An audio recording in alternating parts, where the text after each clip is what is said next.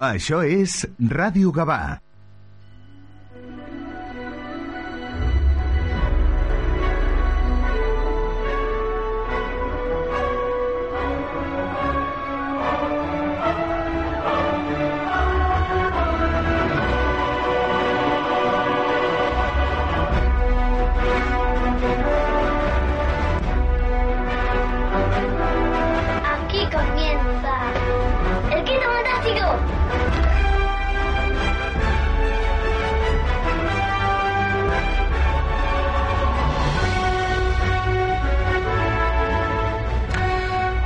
8 de la mañana y 10 minutos. Muy buenos días y bienvenidos a una nueva edición del Quinto Fantástico, episodio 10 de la octava temporada. Un saludo de quien les habla, Alberto Jiménez. ¿Queréis acompañarnos hoy en nuestra aventura? Pues nada, tomad asiento y sobre todo disfrutad de las ondas.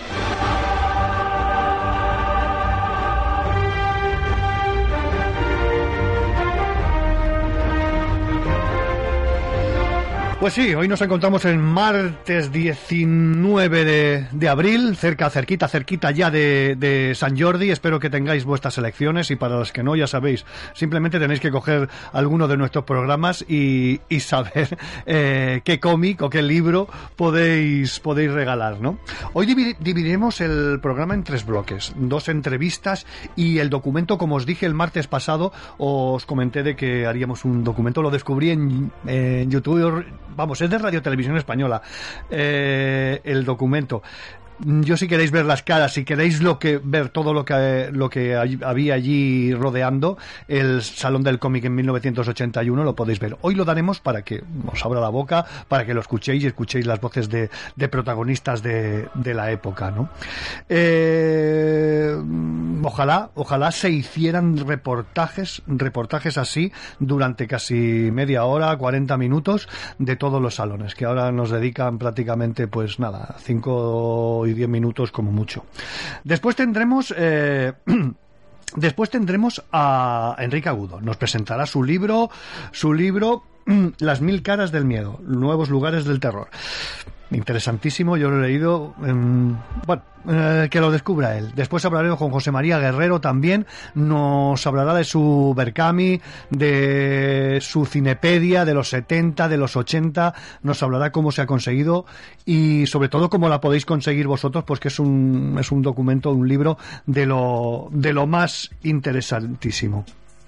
Vaya, pero no, pero hoy antes que todo, dar la bienvenida, como siempre, a, a nuestra nave estelar, quien nos coordina, quien nos pone en sintonía para que todo salga a la perfección. Hoy nos viene muy guardián de la cámara para que todos diremos, para que nos descubra todos los enigmas. Maite, muy buenos días. Let's do it.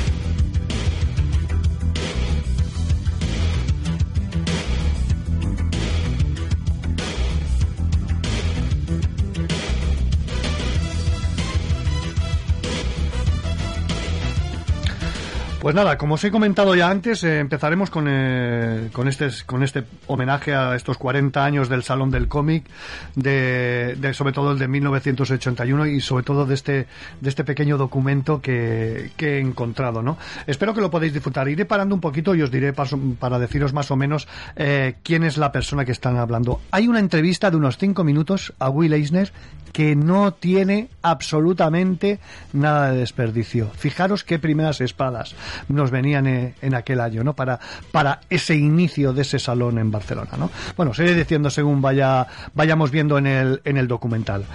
Así que, Maite, pues vamos a, vamos a empezar ya.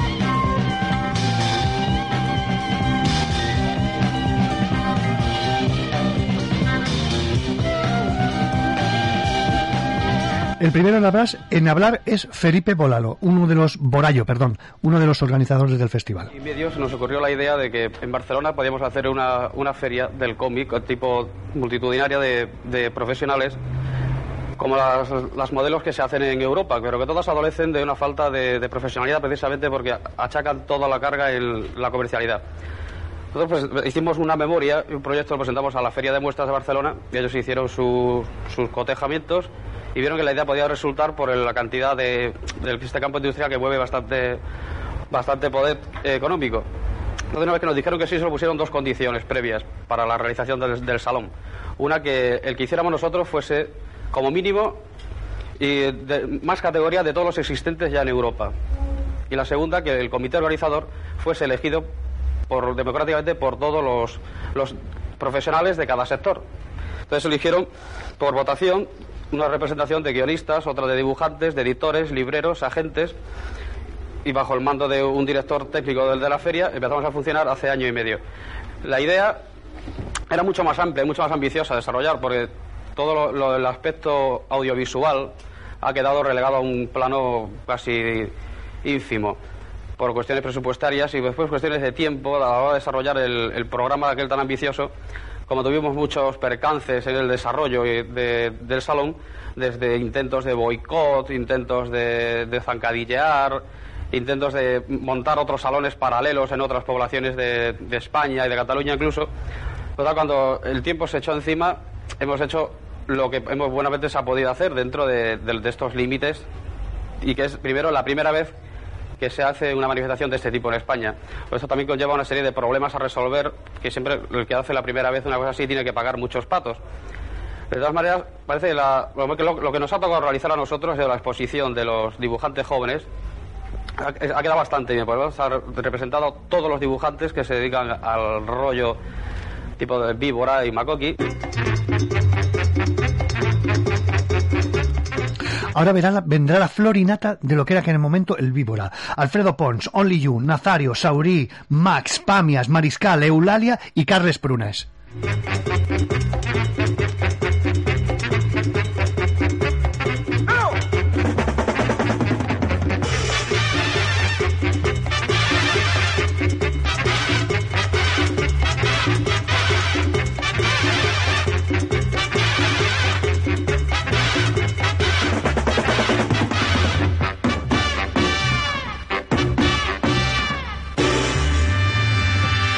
Con casi un año y medio de vida, la revista El Víbora ha supuesto un curioso empeño editorial guiado por José María Berenguer. Ha recogido a una generación ya legendaria de dibujantes y guionistas de los llamados marginales, nombres como Nazario, Mariscal, Gallardo, Mediavilla, Max, Sonliu, Cesepe o Pamies, que hasta ahora habían tenido serios problemas para dar salida a sus trabajos. El Víbora les ha dado una vía segura y regular para ello. Además, el Víbora cuenta con la colaboración habitual y a veces inédita de algunos de los grandes nombres internacionales como Gilbert Shelton, Svarte, Willen o Tardy. El Víbora ha sabido, en definitiva, dar estabilidad al trabajo del sector más radical de nuestro cómic, sin perder por ello el sentido ni el ambiente de aquellas revistas inestables de la pasada década. Los propios componentes del Víbora comentan para nosotros este fenómeno. Ahora hay una serie de publicaciones que se dedican a, a sacar historietas a la calle, ¿no? Cosas dibujadas y que pretenden sacar cosas nuevas de españoles nuevos, nuevos dibujantes y así. Renta, renta. Y pagan, pues, algunos les pagan 10 duros, otros les pagan 20 duros, otras les dan para el carajillo. Pero la cuestión es que pretenden ser los portadores del nuevo cómic español y sacan el 85% de extranjeros y un 15% de españoles ahí medio que igual se han comido ese día pues una polla. 500 por ejemplo.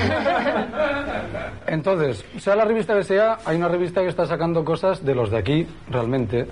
Tíos que se sientan en una mesa y se ponen a dibujar sin que les haga falta una ampliadora y el copón bendito y la vecina ahí posando con ocho lentes de, de diferentes enfoques y así, ¿no?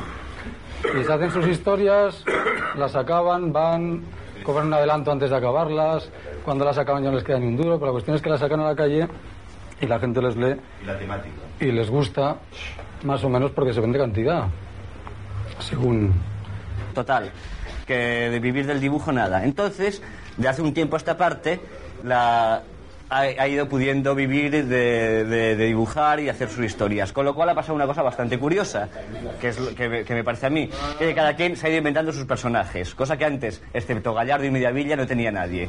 Gallardo y Mediavilla tenía al Macoqui, que una cosa así que funcionaba y que es prácticamente patrimonio nacional ya a estas alturas. que está por ahí. Tú, el, el Gustavo ha salido bastante después. ¿eh? O sea, y entonces, de, de un año y medio a esta parte han salido el Roberto el Carca y Zotín del Pamies, el Claudio Cueco del Daniel Torres, la María Lanuit del, del Pons, que están por allí todos estos. El, el Aquiles Talón, no, el, el, el Tacón Cubano. Y la, y la María del CSEP, que está por allí escondidísimo. El William y el Suarte, que son otra gente con más experiencia y más así, pues también tenían sus cosas. y También están Bueno, bueno, pero ¿Eh? después hemos un trabajo fino. El ¿eh? Gustavo y la Lilian y sus amiguetes del, del Max. Y la narcoma del Nazario. Nenas, a callarse que me toca hablar a mí. Los que somos hoy en el Víbora somos todos los que empezamos en el 71, 72 con todo el rollo mascarado y la piraña y esto y lo otro. Mira, lo coges dar tú. Um, no, no, desde luego. Quiero decir, pero bueno, el Vibra ha salido en el 80 y esto también quiere decir que, no sé, en el 75 se acabó un rollo y entonces después de cinco años de, de así de ir tanteando el asunto, pues bueno, ahora ah, tiene posibilidad de salir una revista así, ¿no? Pero te digo que hemos servido de base para, para Claro, claro. mo- montar todo esto. Porque si nosotros no hubiéramos empezado, el Víbora no existiría. Ya, ya. No, no, desde luego. O sea, lo que es cierto es que no, te- no, no tiene nada que ver cosas como el víbora y con la gente que, que hace el víbora y con, con lo que hasta ahora se había visto, no sé, en los kioscos, ¿no?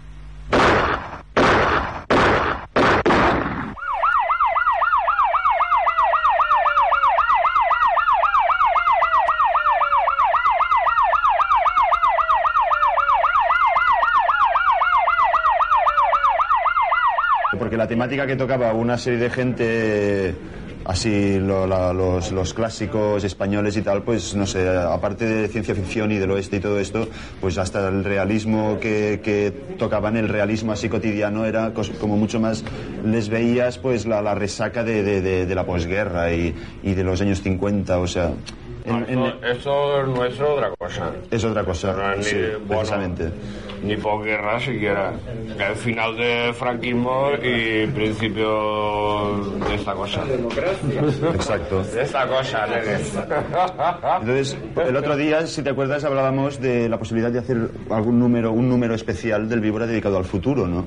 Entonces, parece que últimamente con, con lo que con lo que vemos por, por la calle y tal, el futuro es que tendríamos que editar un, número del Víbora todo con páginas negras, ¿no? O sea, y una portada que fuera Negra. y que dijera el víbora.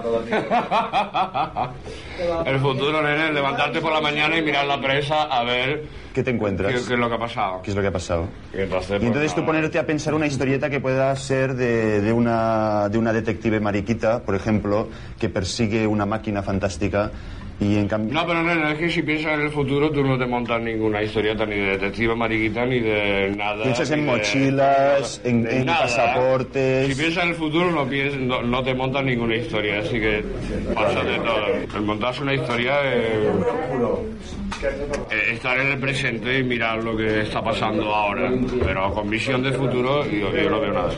Bueno, yo sobre todo lo que quiero decir es que estoy totalmente en contra de, del tipo de historietas en plan industrial, así de hacer como tres o cuatro páginas al día, que es como suele trabajar toda la gente que vive de la historieta, porque se pierde todo y se deshumaniza todo y lo que enrolla es hacer así como una historieta al año, como dos o tres páginas así. Este es mi estilo, que soy bastante criticado por esto y que se pierde todo, que es lo único auténtico que, que queda. Lo demás es, es la industria y el comercio y eso. Que es como hacer churros y Sí, además hay mucha gente por ahí que, que se pregunta que por qué hacemos cómics en vez de pintar cuadros o, o cosas serias, ¿no? Y no es que no podamos. Y no, sí, eso aparte, ¿no? Pero se piensan que somos artistas frustrados, cosas de estas, ¿no? Y la única verdad es que hoy en día hacer cómics es la única cosa divertida que puedes hacer en público y a la vista de todo el mundo sin que de momento te pase nada. El problema es que la realidad a veces te obliga a dibujar muchas más cosas, ¿no? Porque ocurren un follón de cosas. Ahora mismo no sabemos si están haciendo un túnel aquí debajo y, y si vamos a poder terminar el programa, ¿no? Pero, pero que en fin, que este oficio pues tiene está muy puteado a la hora de la verdad, ¿no? Y y esto lo dicen todos los dibujantes, lo que pasa es que nosotros ya estamos ya, pertenecemos a una generación en que hagas lo que hagas, lo vas a tener muy negro, ¿no? lo vas a tener muy negro. Creo que los cómics que no, por lo menos nosotros estamos haciendo te nacen mucho del estómago y, y realmente estás metiendo cosas que te han pasado, cosas, tus amigos, tus amigas, tus enamoramientos y todas estas cosas, ¿no? Y muchos sueños y muchas historias de estas. Lo que a veces no pasa es que los tebeos es una cultura como que no hay mucho dinero, entonces te obligan muchas veces a dibujar en blanco y negro, ¿no? Entonces llega un momento que dices, ya está bien, ¿no? Tanto blanco y negro, cuando hay tanto color por la calle, ¿no? Bueno, yo solo quería decir que leo muchas historietas Mira, y últimamente, no sé, las cosas que salen es que me ponen...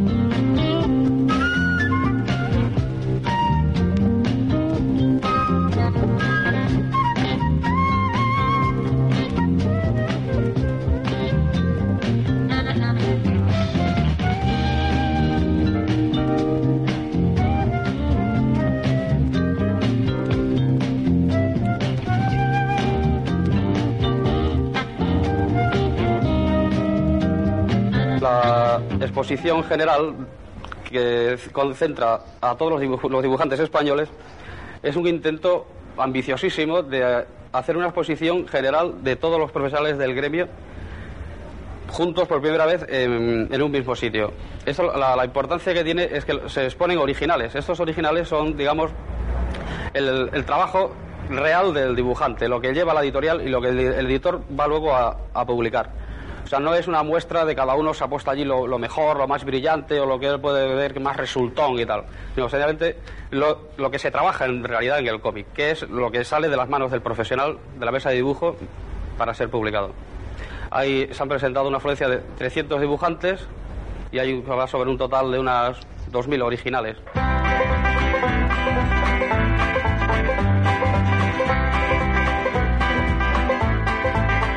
Things I learned in a hobo jungle were things they never taught me in a classroom.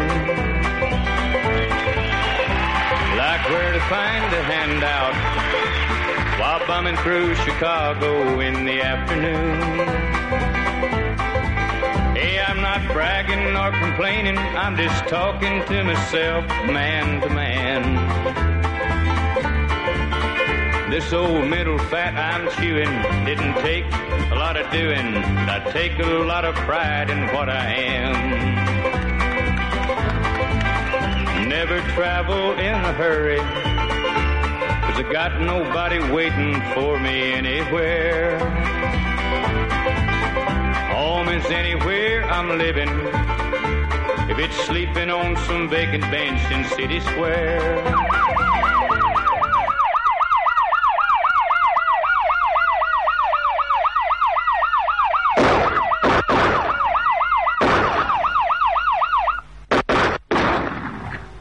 Historieta y la ilustración no es solamente un sentido para ilustrar lo que se dice vulgarmente para leer TVO, sino que es un medio de comunicación mucho más importante de lo que la gente se cree.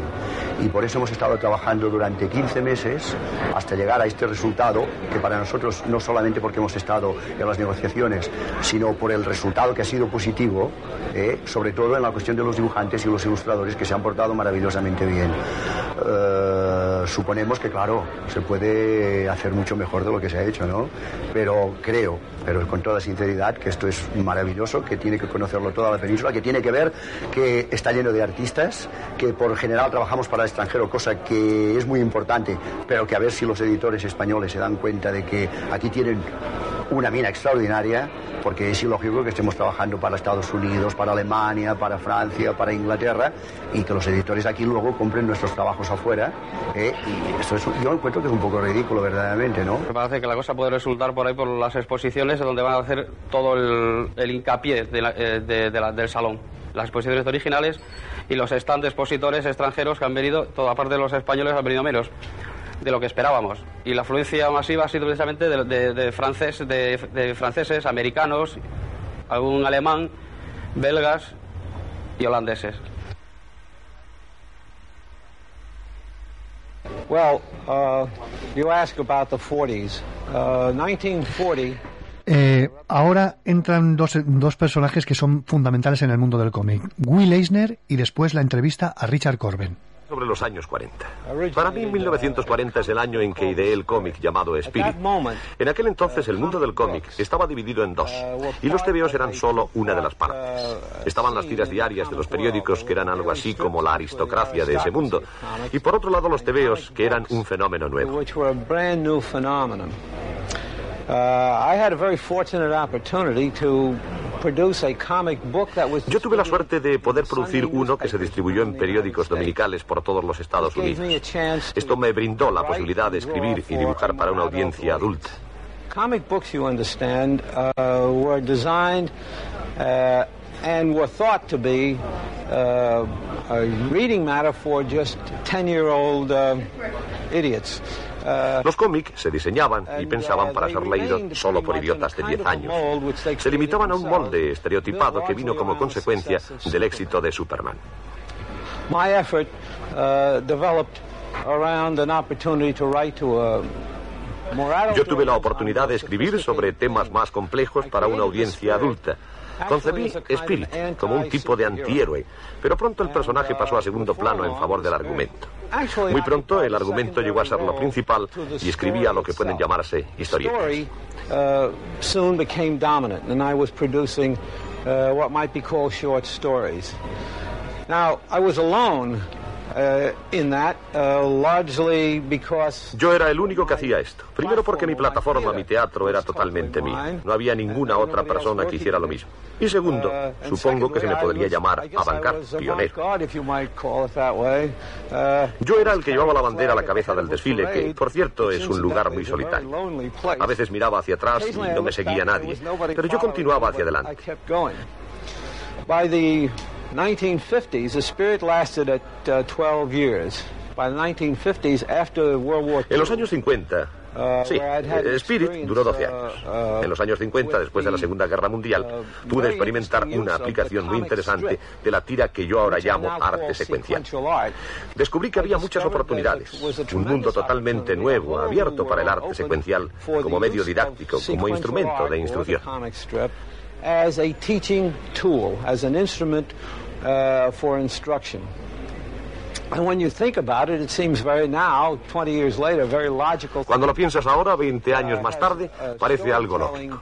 El cómic tiene una capacidad narrativa de gran impacto. En realidad es una película sobre papel. Precedió a las películas porque es una de las primeras formas de arte. Uh, Empezó en la época de las cavernas. Por eso empecé a trabajar en este campo y fundé una compañía llamada American Visual, que tuvo mucho éxito. Tuvo tanto éxito que abandoné Spirit y dediqué todo mi tiempo a esta empresa.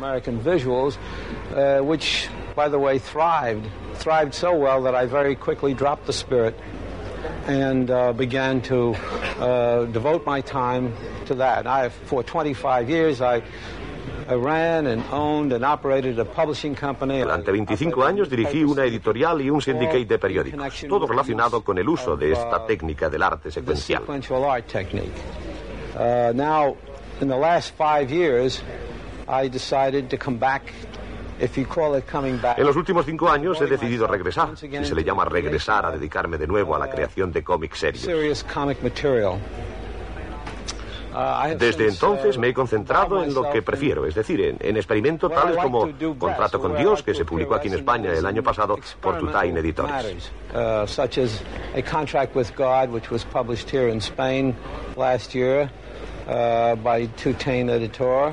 Uh, Acabo de terminar otra novela titulada Vida en otro planeta, que trata de la posibilidad de que haya vida en otro planeta.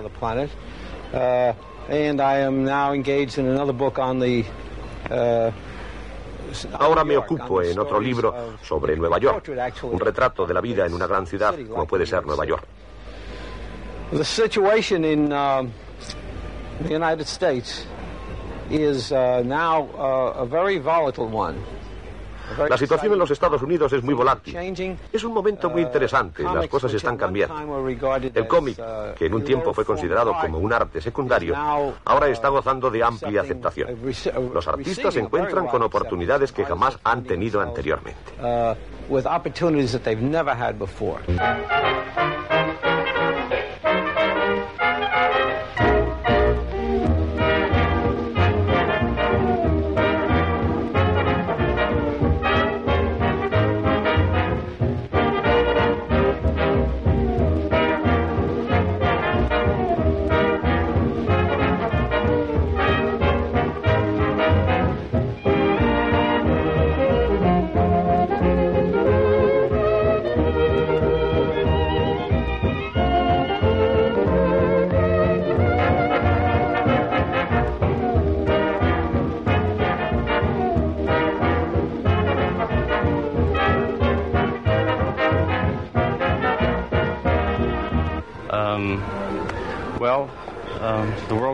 Con ustedes, Rick Corbin.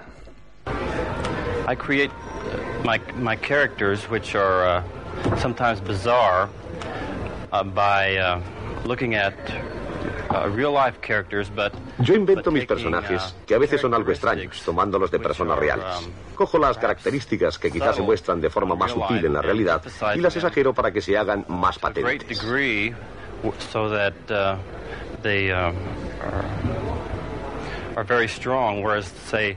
Por ejemplo, veo a una persona con una nariz algo grande y cuando la dibujo se convierte en una nariz enorme.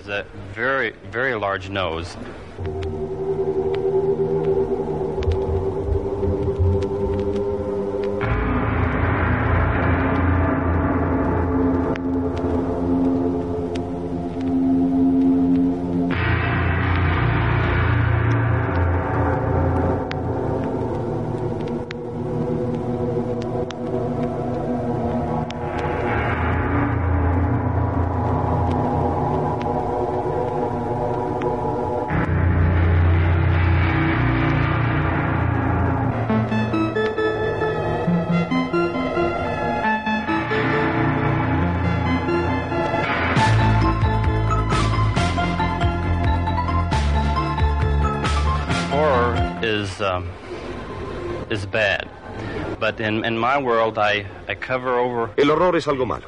En mi mundo cubro el horror con cosas que lo hacen menos malo y así no llega a ser tan horrible, sino interesante. Het is nu ongeveer een jaar of tien dat ik bezig ben met het maken van stripverhalen. Hace unos 10 años que me dedico a hacer cómics y desde entonces los métodos que utilizo han evolucionado mucho. Al principio empecé dibujando con lápiz y pluma y el proceso era complejo y muy laborioso. Lo que ven aquí está hecho a base de pluma, lápiz y goma de borrar y fue impreso a continuación. Esto es complicado. Por ello se ha desarrollado un nuevo método que es mucho más rápido. Es el que ven ahora, el método 2 en el que la fotografía juega un papel importante. Actores vestidos como personajes de cómics se colocan delante de los decorados. Hay que preparar este decorado.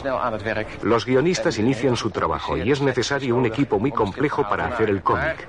Pero lo que es importante es que el autor queda más libre.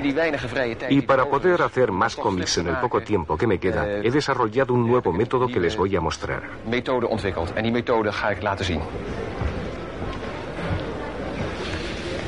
Ik heb u net verteld over de tweede methode. Hier bent u te gast in mijn werkkamer. In Les voy a mostrar el método que he desarrollado para poder hacer en muy poco tiempo muchas tiras.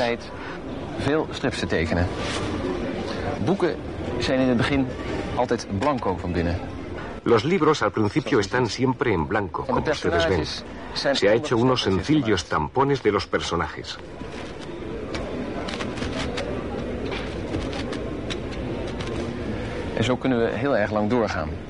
Y así podemos seguir por mucho tiempo.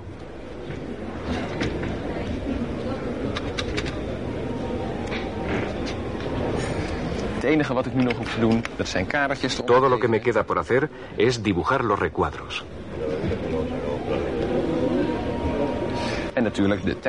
Y naturalmente los globos con el texto.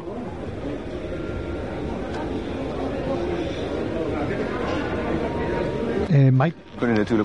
Stem. Naturalmente se pueden añadir muchas cosas a los tampones, aunque no tiene mucha importancia porque eh, todo está ya hecho.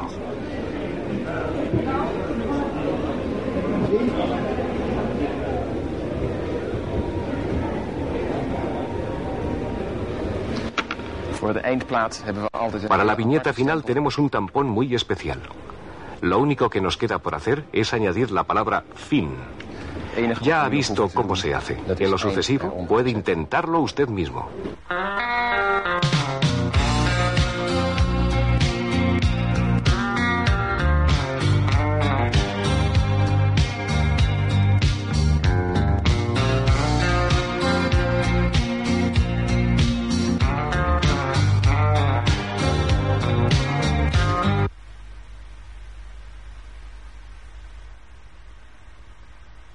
J'aurais pu dessiner n'importe quoi, mais j'ai choisi ce genre de dessin. Yo puedo dibujar euh, cualquier cosa. Ahora nos habla Willem. Porque creo que no estamos aquí para hacer decoración, sino para revolucionar el mundo. Con mis dibujos quiero provocar algo. Et avec ça, euh, je crois que je euh, viens quelque part.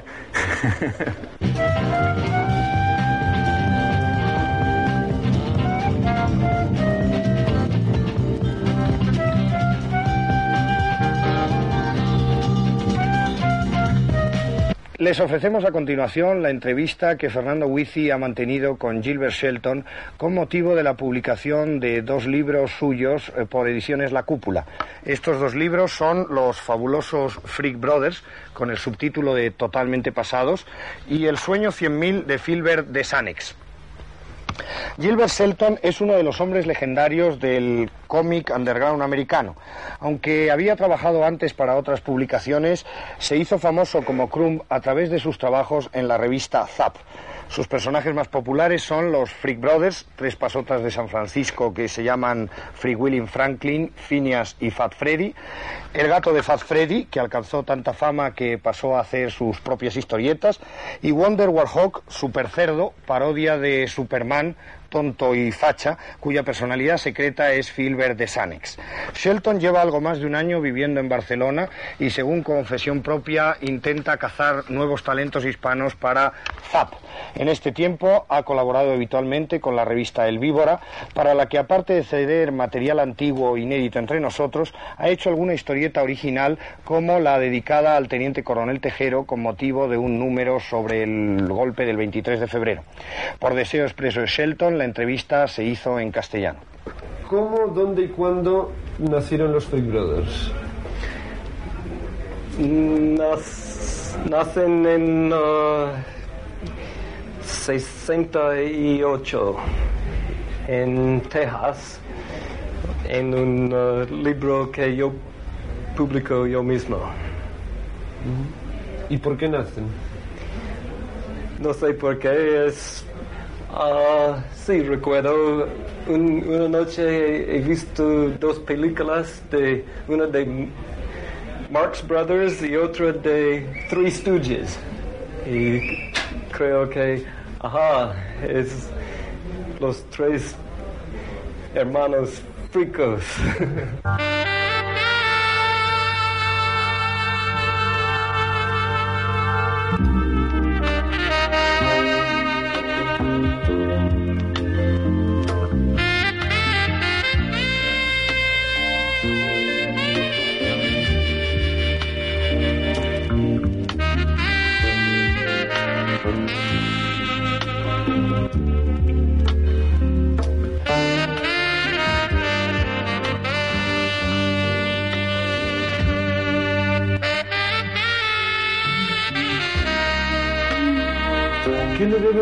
freaks a Gilbert Shelton y qué le deben a Sheridan?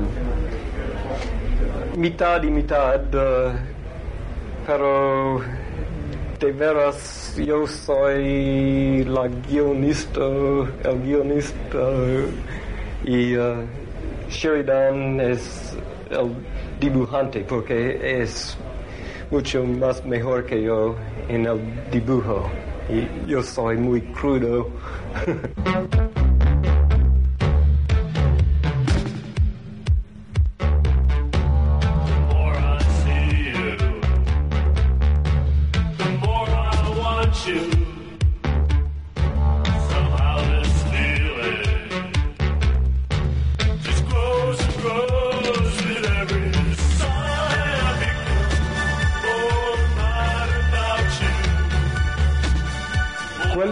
personaje de Gilbert Shelton que se parece más a ti?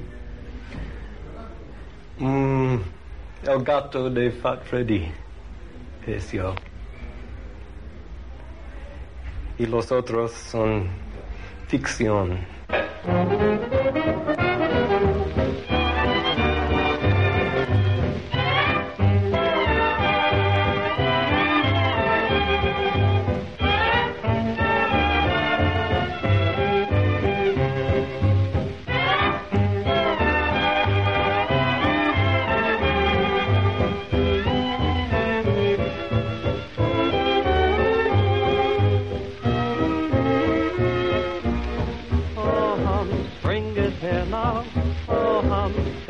Very clear now. Oh, love is near now for you. En la Galería Brosoli de Barcelona ha presentado Nazario, otro personaje habitual en nuestro programa, su exposición Principio y Fin del Underground, con la pretensión de mostrar la distancia que media entre la edición ilegal de aquella piraña divina y esa narcoma que es sin duda su mejor pieza y que tantos éxitos ha obtenido. La muestra se plantea también como confrontación entre los dibujos originales y su reproducción, y se centra en los trabajos de Anarcoma y Abecedario para Mariquitas principalmente. Es el propio Nazario el que nos hablará de su exposición. Esa exposición la he hecho para demostrar a la gente la diferencia que hay entre lo que uno hace, el original, y la reproducción que te sacan, que no tiene nada que ver ni el color, ni el dibujo, ni nada, con lo que luego ves en la revista. Entonces pues, me he montado todos los originales y después debajo me he montado las reproducciones para dar a entender e- ese rollo. Y después de la exposición del último día, me pienso montar una especie de muerte del underground, porque como, hombre, aquí en España yo pienso que, el que se montó el underground fui yo, con el rollo enmascarado y esto y lo otro. Entonces, hoy ya no hay underground, hoy hay pues una exposición, una galería normal, hay una serie de revistas oficiales, una serie de álbumes pagados por gente que tiene pasta y me quiero montar al final eso, la muerte del underground. Pienso tapar todos los cuadros con un paño morado como si fuera la Semana Santa, que no se vea ningún cuadro, solamente todos los cuadros tapados de morado. Un ataúd grande con cuadros cirios lleno del ataúd pues de rollo underground, de, de Star antiguo, de ajo blanco, de lo que sea, y todo el mundo que llegue a la galería tiene que ir tapada la cabeza con un velo negro y después se dará aguardiente.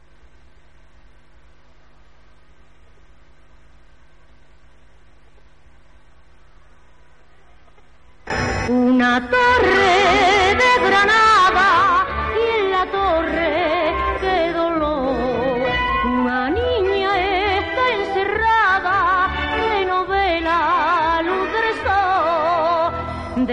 noche suena una llave y un hombre cruza el cancel, mas nadie en el mundo sabe el nombre de aquel doncel y el viento solano que rompa la vela.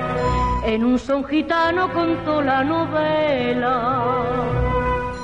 Cautiva, niña, cautiva, cautiva, cautiva, siendo una flor. Morena de verde oliva, cautiva, cautiva de un mal amor. Qué pena me dan es, eh, a ver, son unos testimonios, yo creo que sería ahora, escuchando sobre todo ahora esta, esta parte final de Nazario, sería prácticamente, yo creo que estaría en la cárcel directamente ahora mismo. Pero bueno, son los años del underground, son los años de, como he dicho, como dije en el anterior programa, se respiraba un, bueno, se respiraba, no, se quería una libertad después de casi 40 años de, de franquismo y estaba todo el mundo pues muy reprimido. Y creo que el mundo del cómic y la música fueron dos baluartes a la hora de salir de esa transición, de ese, de ese querer, de, querer mm, expresar todo lo que se llevaba reprimido durante prácticamente, prácticamente casi 40 años, ¿no? Pues bueno, pues nos vamos a ir, nos vamos a ir a pasar un poquito de miedo. Vamos a ir ahora con nuestro primer invitado. Vamos a poner una sintonía de acorde para, para darle la bienvenida. Estás escuchando El Quinto Fantástico.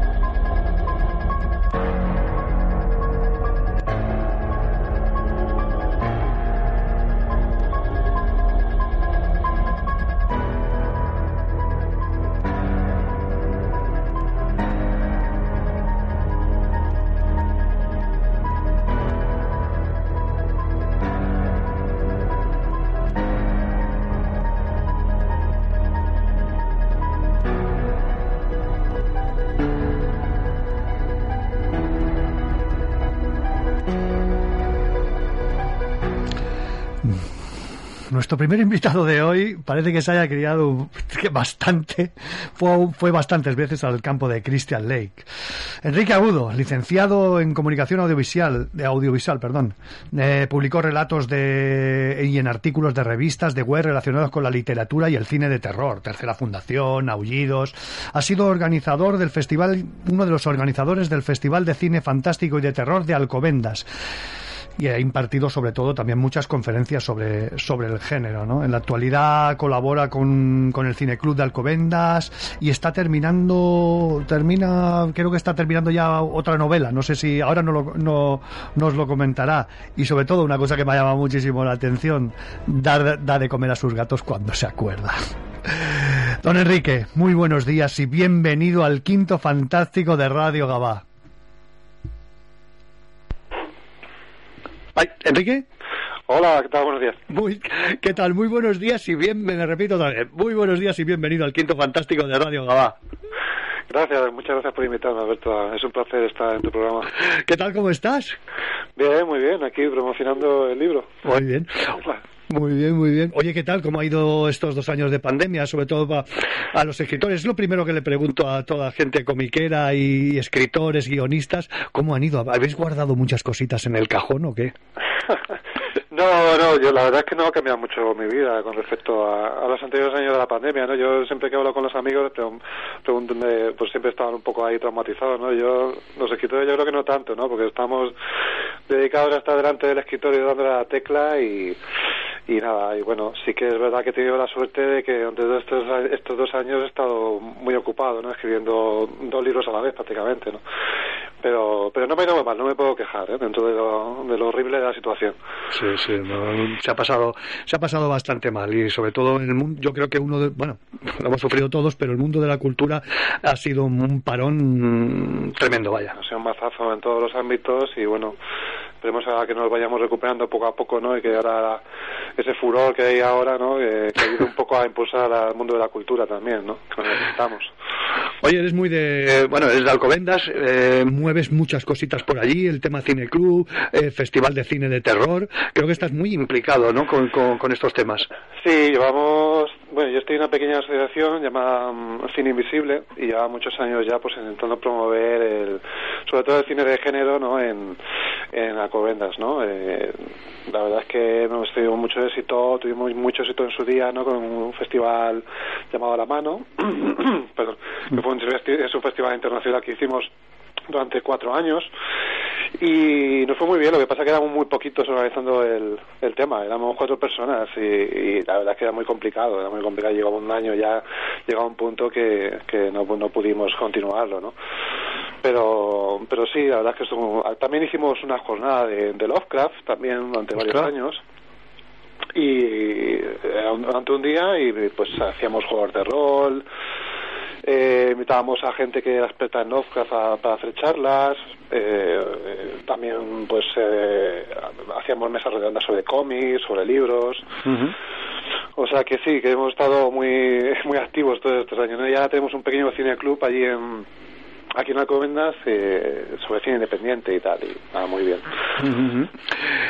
Oye, una cosita, eh, leyéndote, bueno, sientes tu, tu pasión por el terror y, mm, bueno, eh, yo creo que lo se refleja mucho en el libro, ¿no?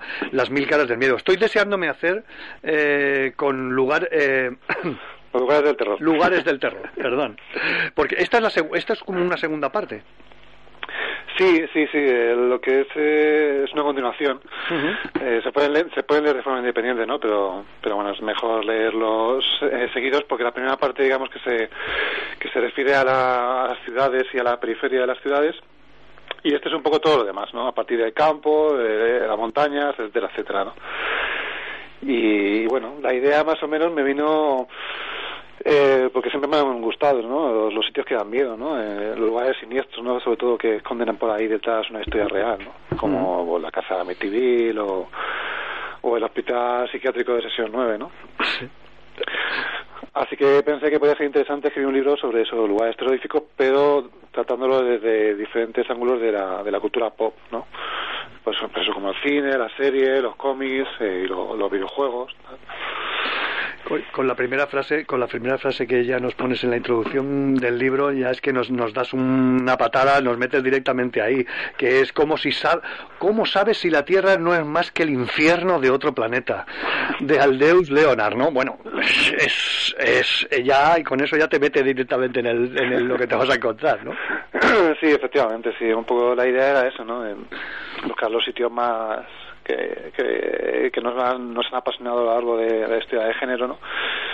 Y, y no hacer un libro de, de localizaciones simplemente, ¿no? Porque en un principio dije, bueno, pues la- el tema de las localizaciones de cine de terror no puede, puede ser interesante, ¿no? Pero me, lo pensé después y dije que mejor era, era hacer algo más artístico, ¿no? Que tuviese un at- atractivo artístico por, por la obra en sí, ¿no? No, sino, no simplemente por, la, por el lugar donde se donde, donde ocurre la, la acción, ¿no? Ujú. Yo a mí me llama mucho, me llama mucho que te mete en el libro te- y te, te- me llama mucho la atención que es eh, que no es el clásico libro que te va contando las películas, que te dice que eh, director, artistas y tal, no, sino que enci- eh, mezclas todo, haces un, un cóctel ahí perfecto de cine, por supuesto, de series, de videojuegos y sobre todo la cosa que más me ha, me ha enamorado, de cómics. Claro, claro. Yo el otro día eh, un amigo, me, bueno, un par de amigos me lo comentaban, ¿no? Me decían, me decían, es que estábamos leyendo el libro y queríamos saber qué es lo que venía a continuación, ¿no? O sea, si era un cómic, si era un videojuego, si era, si era una serie. Y, y yo creo que, que eso es uno de los atractivos, ¿no? Que, que tiene que tiene el libro, ¿no? Que busqué un poquito también en eso, ¿no? Y, y bueno, y también pues eh, actualizar un poco lo que es en, lo que son los lugares comunes de género para, para nuevas generaciones, ¿no? Que en el libro hay cementerios y castillos, pero también hay escape, escape rooms, eh, otras dimensiones, etcétera, ¿no?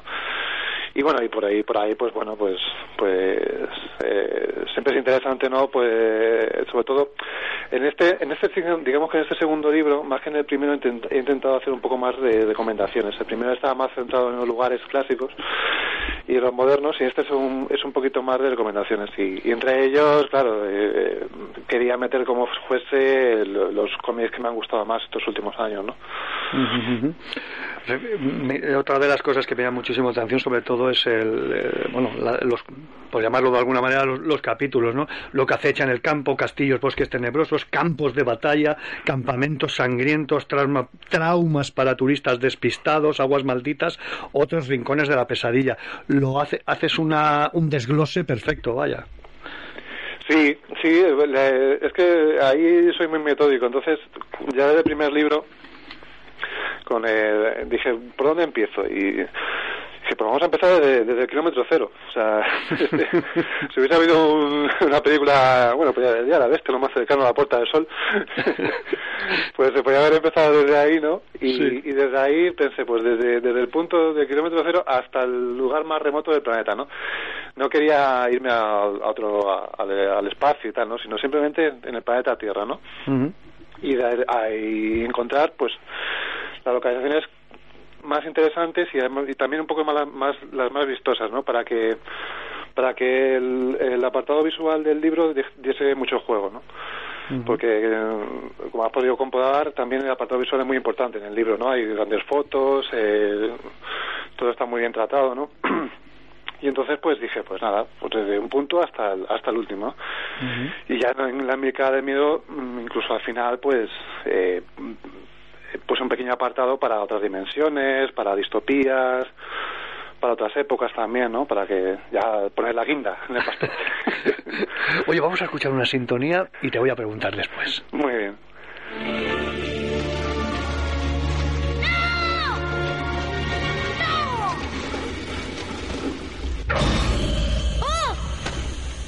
¿Qué tal, Georgie?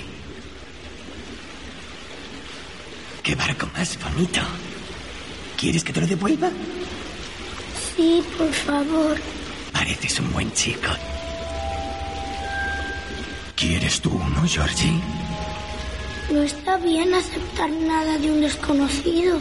Oh, bueno, yo soy Pennywise, el payaso bailarín. ya no soy un desconocido. ¿A qué no? Ahora tengo que irme. Oh, ¿Sin tu barco?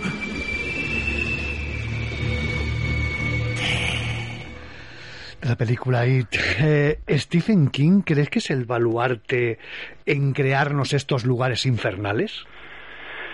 Sí, hombre, yo creo que ha sido fundamental eh, el último el siglo XX, ¿no? Eh, si antes fue Lovecraft, yo creo que con esos mundos fantásticos y tenebrosos, pues Stephen King, digamos que se que ha modernizado todo el, el cine de terror, ¿no? Y y es imposible no poder no, no enlazar a los libros de Stephen King y sus películas con, con la edad moderna, ¿no? Y, es imposible ya olvidar, pues eso, las alcantarillas de Derry o el caserón de Stan Slot, eh, incluso ya me venía, me venía a la cabeza el, coche de Cujo.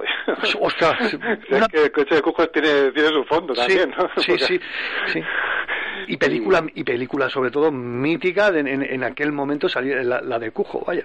Claro claro. O, cementerios animales mm, y luego además que claro que le ha creado todo una todo un todo un mundo propio no eh, como pues eso como han hecho han hecho los grandes escritores de, del, del género a lo largo de la historia no y yo creo que ese es su valor su valor mérito no le queda un punto propio que se han ido enlazando de libro en libro no y que, y que ha apasionado al lector y, y de paso pues a los productores de cine. Sí, fíjate, ha sacado mucho crédito. Sí, sí, bueno, en cine se ha sacado, vamos, eh, lo increíble. Fíjate, hay una frase que, que, me, que me encanta que en el libro que dices, eh, los, el libro de, de, bueno, refiriéndote, refiriéndote a IT, el libro no se lee, se bebe, porque claro, es que son 1500 páginas. Exacto, sí, pero, pero es, es un placer leerlo. Es, un, es un libro que que eh, lo tampoco también en el libro, ¿no? Que lo emparentaba durante muchos años la crítica literaria norteamericana lo emparentó con Charles Dickens, ¿no? Por por contar, por ser un libro generacional, ¿no? Si, si Dickens contaba la infancia de los de, de, la pobreza norteamericana, ¿no? Pues Stephen King cuenta la, la de la era moderna, ¿no? Y, y bueno, es que además el Stephen King ahí nos metió miedo con los payasos eh, que prácticamente no, no se nos ha olvidado ¿no? desde, desde que lo escribió y desde que vimos el, el telefilm ¿no? de con Tim Curry ¿no? es apasionante. Volviendo un momento, volviendo otra vez a, al libro hay una sección que me encanta que estaba deseando llegar llegar a la parte final no la muerte favorita en que tú la recreas con con, con un personaje de cómic en este caso el guardián de la cámara o la vieja bruja. Es, es, es un detallito muy muy muy bueno vaya Sí, eh, quería meter alguna nota de humor, ¿no? Nosotros, bueno, yo soy una generación que ha crecido viendo, pues, series como Estrella de la Cripta, eh, películas que eran muy ochenteras y en el que se mezclaba el terror y el humor, ¿no? Entonces yo creo que, que bueno, pensé, dije, bueno, ¿por qué no metemos una, una gota de humor en, en, en el libro? Y, y además, pues bueno, interesar también un poco al, al, que no haya visto, por ejemplo, una película y diga, bueno, pues ¿cuál, cuál sería la muerte, la mejor muerte de esta película o, o de esta serie, ¿no? Uh -huh. Y la verdad es que fue muy divertido, fue muy divertido sí, ir sí. buscando, por ejemplo, en Viernes 13, pues claro, que me lo pasaba bomba, digo, digo, a ver qué muerte es la más, la más cruel y la más salvaje y toda. Y bueno, yo lo tenía muy claro, la verdad, al principio lo tenía muy claro, ¿no? Pero sí que estuve repasando y dije, joder, es que hay tantas que... sí, bueno, te creo, vamos, te, te tiras rápidamente al sangre, bueno, decimos aquí sangre y fecha, sangre y hígado, eh, la casquería, la casquería te tira y, y, bueno, hay muertes horribles y horripilantes. ¿no? Sí, sí, pero, pero bueno, yo, yo la, la, que pongo en el libro, la de Viernes 13, eh, tercera parte, sí que es eh, aquel tipo que va haciendo el pino por el pasillo y llega allí con el machete y se lo clava en la entrepierna. Uf, y bueno, sí, sí, yo, está, eh, bueno, viendo la película y ahora recordándola con tu libro, no, no, haces el gesto de cerrar las piernas cuando vas leyendo Exacto, eso. exacto. Además que, que no es, que bueno, lo cuento y se dice, bueno, es una escena muy gore, pero es que no, lo bueno es que no es gore, lo bueno es que no sabe nada, es que tú lo imaginas. O sea, que, que quizás es una de, la, de, las escenas menos, menos sangrientas de Benestés y sin embargo el impacto es mucho mayor, ¿no? Sí, sí, es que yo creo que la imaginación en, en las, hace más daño la imaginación en películas claro. de terror hace más daño que incluso viendo viendo viendo un destripamiento un, asesin, un asesinato una masacre de allí. Sí sí total, totalmente vamos. Mira, ahora, ahora, que has dicho viernes 13 no me acordaba yo de que la tercera parte se rodó en eh, bueno fue un, un, bombazo que se rodó en, eh, en tres dimensiones Sí, sí, claro, eso, en tres dimensiones, eh, digamos fue el salto de la franquicia, ¿no? Porque, uh -huh. porque las dos primeras eran casi una, eran eh, películas introductorias para lo que luego vendría, ¿no? Eh, de hecho ya sabemos que la primera parte no, Jason no aparece prácticamente y, y que la segunda es una continuación de la primera, prácticamente acaba una y empieza otra, o sea que... Eso... La tercera ya fue, sí, sí, No, no, perdona, perdona, perdona. Sí, la tercera ya fue, digamos, ese, ese salto, ¿no? Que además yo creo que ya fue con, lo comento en el libro, con el nuevo productor, Fran Mancuso, que digamos que, que dijo, bueno, porque vamos a cambiar algunas cosas y, y el cambio fundamental pues fue, fue el tema de la máscara, que ya le, le convirtió en un icono a Jason y y, y, el asunto del 3D, ¿no? Que, que, quedó bien, quedó resultón, ¿no? Yo creo que incluso hoy todavía cuando lo vemos eh, hay alguna parte muy divertida, ¿no? Como cuando dispara Jason a una, un arpón, ¿no? Y sale la flecha y, dice, ¡ay, qué bien, eh, qué bien queda! Sí, sí, bueno, es la escena que esperábamos todos cuando fuimos al cine la primera vez, la famosa de la flecha, ¿vale? Exacto, sí, sí. Pues sí que ha dado, sí que ha dado Viernes 13, como, como comentas muy bien, hasta 10 partes, yo no lo sabía prácticamente. no, no las he visto todas. Bueno, Sí, las he visto, yo creo que las he visto casi todas. Bueno, eh, quizás los remakes, los crossover estos eh, con, sí. con Freddy y demás, pero bueno. La verdad que las últimas ya son lamentables, ¿no? sí, las pobres ya. Sí, Pero yo, ya hay mucha gente que dice, bueno, la, la octava que visita Manhattan, bueno, a mí me divirtió muy, muchísimo. O sea, yo creo que hasta la octava, eh, yo creo que son, son bastante potables, ¿no? Pero luego ya en la novena, que, que se te pasa de un cuerpo a otro, ya no es Jason, ya es una cosa rara. Y, ya... Sí, sí, y bueno, el espacio también tenía sus puntillos, sí. se va al espacio y mata ahí a toda la gente de una, de una estación espacial, bueno, estaba pero luego, eh, luego degeneró bastante, la verdad. Y el crossover este que hicieron hace unos años fue un, fue un fracaso, no, no salió nada bien. Y eso que era el director de, del, del remake que hizo que se hizo de la matanza de Texas, que era bastante más decente, ¿no? Otra cosa, no me acordaba también, fíjate, estaba estaba ahí también Tom Savini, uno de los más grandes, ahí eh, creo que estaba en, el, en la primera película. Sí, sí, claro, es que fue yo lo que la, la primera película, eh, a la diferencia que hay con otras películas de, del mismo género, es eso, es, son los efectos especiales. Yo creo que fue lo que lo que atrajo a los jovencitos a, a las salas, ¿no? Que ya no era un ya no era una película de láser al uso, ¿no? Sino era una película de láser con, con mucha sangre, con mucha violencia y eso es lo que quería el público en entonces. Pasamos del cine clásico de los 70 pues a, a la casquería y los cigarrillos, o sea, directamente. Bueno, a ver, a mí, me- yo- bueno, fue- es una manera de hacer cine que creo que te- nos marcó a todos los que hemos vivido sí, los claro. 80 y parte de los 90 y, y, y que disfrutábamos yendo al Claro, cine. no, por supuesto, vamos, yo lo digo por desde el punto de vista positivo, o sea, Sí, yo- mí me pareció que, hombre, luego ya sí, al final, claro, las- todas las cosas pues degeneran y, y, pues eh, ya, ya al final de los 90 ya, al final de los 80 ya estaba el tema acabado, ¿no? Pero pero pero ante el tiempo ese se disfrutó mucho. yo- claro, y además yo por lo menos, por lo menos crecí con, con todas esas películas, ¿no? Sí, sí, yo igualmente. Tengo ya, mm, soy un vago más mayor que tú, pero, pero que, que crecí con todas estas y bueno, era, era y sobre todo con ese ¿Cómo decirte? Que esperabas, eh, nos dio esa, es, eh, yo creo que es de las primeras veces que sale a, aquello de que parece que el final, que sale todo bien, que ya se ha matado al malo y tal, y salía ese, eh, eh, como el final de Carrie. Yo creo que Carrie marcó un poquito ahí ese, ese, ese inicio de los finales que te, que te dejaban, te dejaban, vamos, cagado de miedo. Sí, sí, totalmente. Ahí Carrie es el final tremendo fue fue fue el principio. Y mm, por ejemplo hablando de Viernes 13, pues ese final también marcó mu- mucho a, a las generaciones, ¿no? Que, que vinieron después, ¿no? Sí, eh, fue una tónica. Y también también comento en el libro eh, Transgen, en los genes de la muerte, y también otra de las de las constantes, las constantes de aquella época eh, que, que era muy gracioso, eh, no sé si estarás de acuerdo, es cuando cuando alguien que había muerto a lo largo de la película de repente al final salía como si vivo. Y decía, pero, pero si esto lo habían matado. Ya está aquí. Y, y es que Transgen es un ejemplo, vamos, o sea, el tío se lo come un bicho prácticamente y al final la película ahí, ¡eh, chicos! Y, "Oye, que estoy que me había tropezado, ¿de dónde?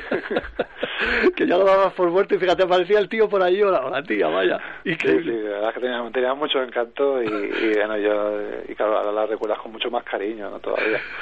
A- eh, también leyéndolo me he dado cuenta de que algunos, y sobre todo de los eh, tanto directores y guionistas nuevos, hay algo que les marcó a todos, y fue la serie Twin Peaks. Sí, sí, sí. Me... Sobre todo a los nuevos, ¿no? A los que han empezado Claro. a partir de los 90 y tal, a hacer cine de terror. Todo el mundo te habla de todo el mundo, pum, Twin Peaks. Sí, por ejemplo, eh, Nick Antosca, el, el creador de, de Channel Zero, eh, bueno, y ahora también ha sacado un nuevo sabor a fresa, que ha tenido también bastante, bastante éxito, pues todos aluden a, a David Lynch, ¿no? A, ese- a su imaginario más, más bien, ¿no? Porque porque también marcó a otra, a otra generación, a una generación más, cine- más cinematográfica, no más cinéfila, ¿no? De- porque ya venía haciendo grandes obras, ¿no? Como El hombre elefante y Cabeza borradora, ¿no? Y, y Twin Peaks fue, fue digamos, el, lo que mm, lo que marcó también un antes y después en la televisión, ¿no? Sobre todo en la televisión norteamericana y, y después en la, en la mundial, ¿no? y no es, no es posible prácticamente identificar eh, las, las series de calidad sin, sin poder nombrar Twin Peaks, ¿no? El, el surrealismo que hay en la serie, estos toques de terror, el suspense, todo eso, todo eso ha, se, ha influido en el cine de fantástico posterior. Bueno, el cine fantástico, en el cómic, en los videojuegos, ¿no? y en el yo creo que uno de los máximos eh, exponentes o, o que más me ha gustado de, de, de- de estas de estas influencias de Twin Peaks eh, es eh, Gideon Falls no por ejemplo el cómic que comento en el en el libro no bueno para mí uno de los mejores cómics que hay- que se han que se han hecho estos últimos años no y, y una maravilla recomendable para cual- no solo para cualquier fan del cómic sino para un fan del género en general no Sí. Ahí Lemir, Lemir y Sorrentino lo, lo bordan directamente. Es que es un comicazo tremendo. Esperemos que no hagan una serie, por favor. sí, mira, ahora te iba a preguntar un poco, ¿no? sobre todo de, entrando un poquito en, la temática, sobre todo del cómic, ¿no? La tenía la primera Gideon Fall, ¿no? De, de Lemir y Sorrentino. Y fíjate, no sé, te voy a, te voy a preguntar qué te pareció la serie de, de Luke and Kay, de, la serie televisiva. No, terminé de, verla, o sea. Hostia, pues, a mí me pasó lo mismo. Empecé a verla y dije, no, esto es un, esto es un desastre, no, no, no, no pude con ella. O sea, se eliminó totalmente el, el, elemento del terror y bueno, ya entró en el fantástico y no, a mí me, me causó una, una gran decepción, ¿no?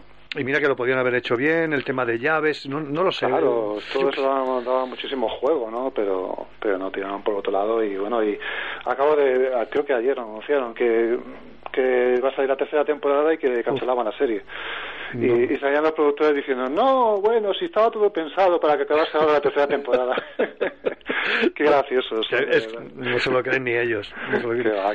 Fíjate, hablando de otros cómics, bueno, eh, es uno de los setenteros que, que, que, nos marcó en, aquellas, en, eh, en aquellos eh, cómics de Vértice es la tumba la tumba de Drácula, ¿no? De Walma sí. ¿no? Que eso es eso es que hace poco, no sé si te, habrás hecho con ella, hace poco salieron 10 tomitos de toda la recopilación de, de la tumba de Drácula. Sí, sí, no, no me daba el presupuesto para tanto. bueno, lo habrás leído. sí, sí, sí, porque los tengo en su día me los leí ya y después eh, los conseguí por, con la biblioteca esta grande de cómic del terror. Sí. Que es en, un formato más pequeñito, pero venía todo completo, ¿no? Eh, la tumba de Drácula, Drácula Lips y todas las series que vinieron después, ¿no? y es una obra maestra de, del cómic Yo, yo siempre a toda la gente a toda la gente que le gusta el cine le, se lo recomiendo. Digo digo si es que te gusta te, gusta Drácula y te gustan los vampiros tienes que verte este cómic.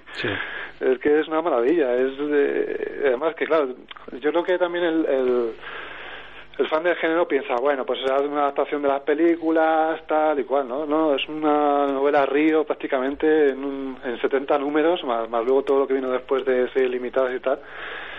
Y, y abarcó muchísimas cosas, muchísimos temas, con un Drácula moderno, ¿no? Sí. También en el libro, ¿no? No solo el aspecto físico era clásico, pero eh, lo que te llevaba adentro no era un Drácula que, luego se me ha visto en películas en películas más modernas, ¿no? Y es la primera aparición de un personaje que ha dado mucho, mucho, mucho juego. Eh, Blade. Ha sido tremendo. Sí, claro, Blade. Blade y sus películas y tal y, y bueno y, y, también modernizar también otros otros mitos no como los hombres lobo como las sectas o sea pero sí, Blade, eh, menos mal que no sacaron luego las películas con el aspecto que tenían en el cómic, ¿no? Con esa capa, esa capa que ha sido de buzo amarillas, ¿no? que quedan un poco horteras, ¿no? Pero, pero sí, fue un, gran personaje, ¿no? Un, vampiro que mata vampiros, eh, daba muchísimo juego, ¿no? y, bueno, luego no olvidamos el dibujo de Jim Collan, que, que yo creo que es imposible es imposible recordar el cómic, ¿no? Tremendo, tremendo. Es lo que más... A ver, en, la época, en aquella época de los 70, finales de los 80, hay finales de principios de los 80, es lo que más te, encargaba. El, dibujo de Conan es espectacular. Sí, sí, esos oscuros, ¿no? Es casi el moderno Caravaggio.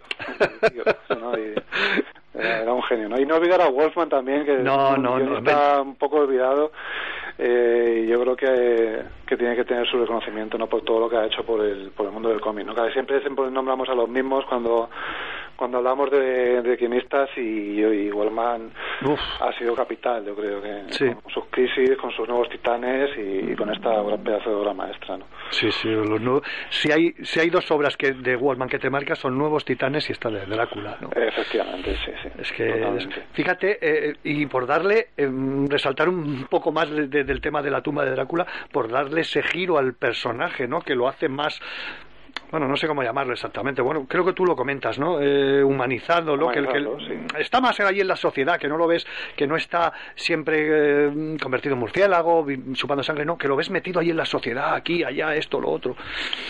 Sí, sí, sí, y, bueno, y que, es, y que es un personaje honorable, ¿no? No se veía tanto en, el, en la novela, pero, pero aquí más sí, sí le hace una persona que, o sea, un ser que, que tiene sus principios, ¿no? Eh, aunque como digo en el libro no te gustaría cruzarte con él por la calle, pero tiene sus principios y, y, eso yo creo que le, que le hace un poco más cercano ¿no? al lector, ¿no? Y, y en el cómic se nota muchísimo, ¿no? ese toque, ¿no? Que le da, que le da Wallman, ¿no? Permíteme que ponga una, una sintonía, Enrique. Muy bien. No hicimos nada malo. Hicimos lo que cualquiera hubiese hecho. Se acabó, cielo. No volverá. ¿Cómo lo sabes?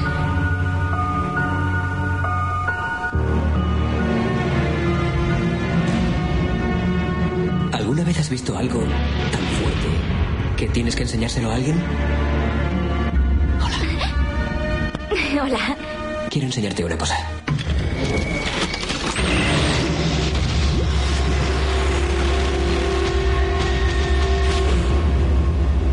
La policía ha encontrado un cadáver. El tío estaba muerto en el suelo del salón, justo delante de la tele. La cinta. ¿La viste? No paran de hablar de su cara. Encontrado. Se llama Samara. La asesinaron, la dejaron morir en el fondo de un pozo. Si hay algo que nos ha cautivado a todos en el, género del terror ahora mismo es el terror japonés, tanto en cómic, a nivel junjuito, y sobre todo en, en, películas, ¿no? Como podían ser The Ring, y las abarcas muy, muy, muy bien en, en el libro. Sí, sí, sí. El, yo creo que The Ring, pues, pues también es otro clásico de cine de terror moderno y, y que nos ha dado muchas alegrías. Eh, con la moda de los pelos largos, como digo. sí, lo dices muy bien, sí. Como digo en el libro, ¿no? Eh, además es una película tan muy clásica, pero muy moderna. Es una película con, con, con que no hay muertes muy gráficas y tal, pero sin embargo esconde el, el, suspense, el ritmo de las películas clásicas de terror, ¿no? En las que se, se sugieren más que se, que se muestran, ¿no? Y todo eso estalla al final con, para mí, uno de los mejores momentos del cine de terror moderno, ¿no? Que, Sí. que se ha quedado en la retina de todos los espectadores de género, ¿no? Y, y, y yo creo que, que es una película muy importante dentro de- del género moderno y, y, y Nakata es un gran director, ¿no? Y lo demostró en esa, en esa primera película y la segunda también me gustó bastante, ¿eh? Mantuvo, mantuvo bastante el nivel y, y de ahí otro pequeño giro, ¿no? Y después vino todo, toda esa moda de, de películas de, con ese estilo, de, con algunas buenas películas, con otras que ya fueron degenerando. Y prácticamente Sí. hasta hoy, si es que hasta hace tres años de Nakata hizo otra, otra secuela de, con Sadako por ahí haciendo haciendo tonterías porque ya- no, ya no se le puede sacar más más punta yo creo que al, al lápiz ¿no? Yo no sé si a ti te pasaría lo mismo. A mí, ¿y ¿sabes qué pasa? Que yo vi la, prim- la primera de The Ring que vi fue la americana y después mm, buceé, empecé a que tuve que ir a tuve que ir a comprarla aquí al mercado de San Antonio, aquí en Barcelona, porque me interesó tan, digo, hostia, di- dice, no, es que mm, todos los comentarios eran que la japonesa, la original, la que estaba basada, eh, era era más terrorífica todavía, ¿no? No sé si a ti te pasaría lo mismo, verías primero la, la americana. No, vi primero la, vi primero la japonesa. Eh, pues es eso, lo típico, que te la encuentras en el videoclub y dije, vamos a ver esta película. Y, y claro, sí que me, sí que me gustó muchísimo. Eh, es verdad que no, en la primera vez que la vi no me pareció tan tan buena y tal. Eh, de hecho, como estaba acostumbrado en, esa época de películas muy sangrientas, dije, "Ah, aquí falta mucha sangre. Esto no, aquí no hay tomate. Aquí, sí, sí. Pero, luego- pero luego pensando en la película, sí dije, joder, esta película tiene mucha mucha chicha. Sí. Después ya vi la, la película no norteamericana, que me parece uno de los remakes más decentes ¿no? que se han hecho de una película de terror. ¿no? Porque porque también consigue atrapar, consigue sacar de ese punto ese punto tétrico y surrealista de la historia y lo mantiene con elevando un poquito algunos elementos que claro, en la película japonesa pues no tenían, ¿no? Con un presupuesto más más alto, eh, unos actores mejores, ¿no? Y, y eso y unos efectos especiales también muy logrados, ¿no? y, y también un poquito más de ritmo también. Quizá la última, la película japo- japonesa le faltaba un poquito de ritmo y la americana, pues como ellos saben hacerlo también, pues eh, pues fue una película muy decente, ¿no? Me has ansiado, eh, tengo que, que, tengo que verla, te lo, tengo que reconocer, eh, hablando así, de, bueno, del cine japonés, el del coreano, la de Kingdom, que es una mezcla, como bien dices tú, entre Tren of Busan y Juego de Tronos. Sí, yo, o sea, eh, ocurre con esta serie como muchas, como, con muchas otras, ¿no? Que deberían haberla dejado quizá en dos temporadas. Es una serie estupenda, eh, una recreación de, de, la, de, la Corea feudal estupenda, muy bien hecha. Y, y luego una mezcla perfecta eso entre entre el cine de zombies y, y la época y la épica no de las películas de samuráis ¿no? Eh, además que bueno ya hay varias conexiones un poco con Trina Busan porque los zombies son del mismo estilo no los que corren y, que se, amontonan unos encima de otros no y es muy recomendable es muy recomendable. Además que que es muy sangrienta. Bueno una serie de Netflix y tal no pero no no es muy sangrienta y con, con buenos personajes. Lo que pasa que eso que que las, las ya la están estropeando, ¿no? Ya al final de la segunda temporada ya la historia prácticamente ha terminado y la siguen intentando sacar filón, luego sacar una, una especie de telefilm para, para hacer de puente con la tercera temporada y ya bajaba bastante el nivel. Yo te recomiendo que te veas o recomiendo al general al espectador que se vea las dos primeras temporadas que son que además que cierran digamos la historia un poco y son estupendas pues tomamos nota. Oye, ya para finalizar, tocas, eh, bueno, aparte de que tocas muchas películas de los 2000 y tal, pero a mí me ha tirado mucho la atención que tocas dos clasicazos, dos clasicazos. Uno es La mujer y el monstruo de la Universal y otra uno de los nuestros. ¿Quién puede matar a un niño? Claro, sí. En, el primer libro también metía alguno más, ¿no? metía en lugares de terror metía algún libro más, alguna alguna película más clásica, ¿no?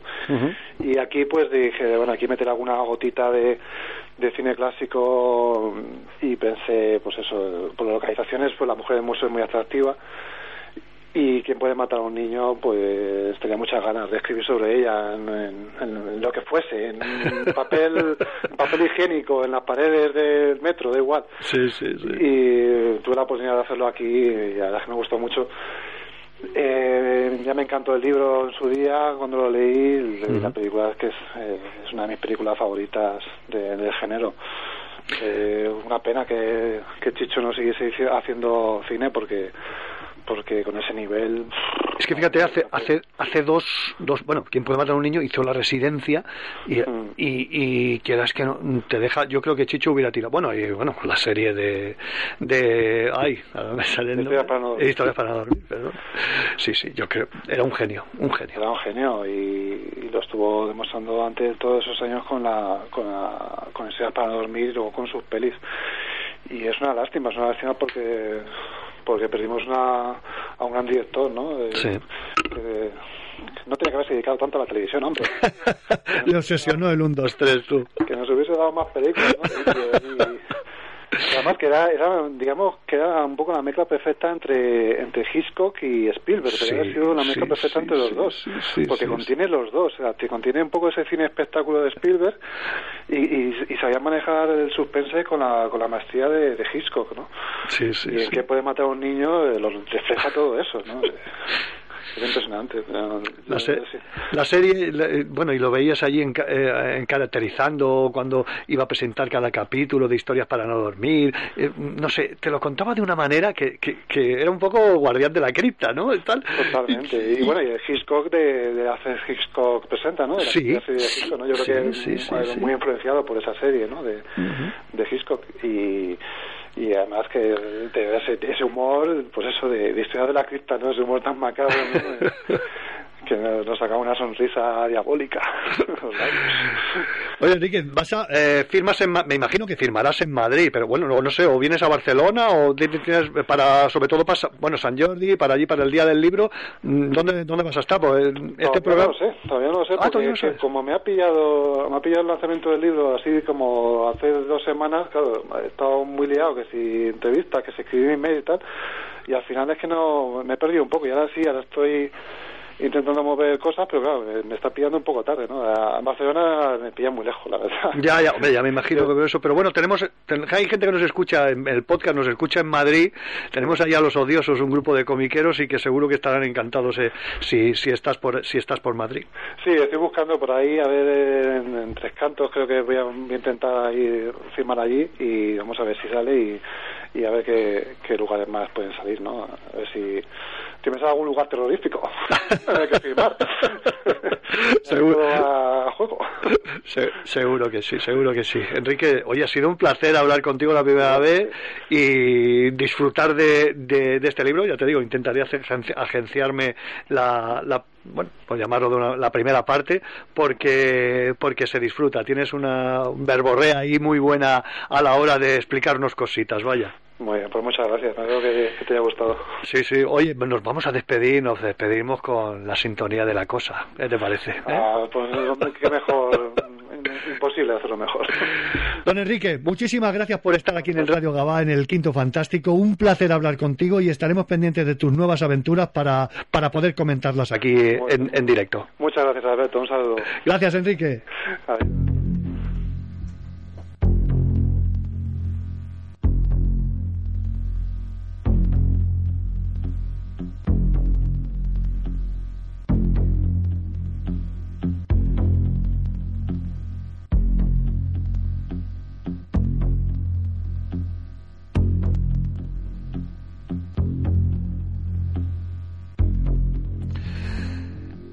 Un placer haber estado, disfruto, disfruto con el tema del terror. Bueno, y ahora nos vamos, eh, nos vamos a ir con nuestro, con nuestro siguiente invitado, que también lo vamos a disfrutar. Tengo el presentimiento que lo vamos a disfrutar porque es muy, la cinipedia de los 70 y 80.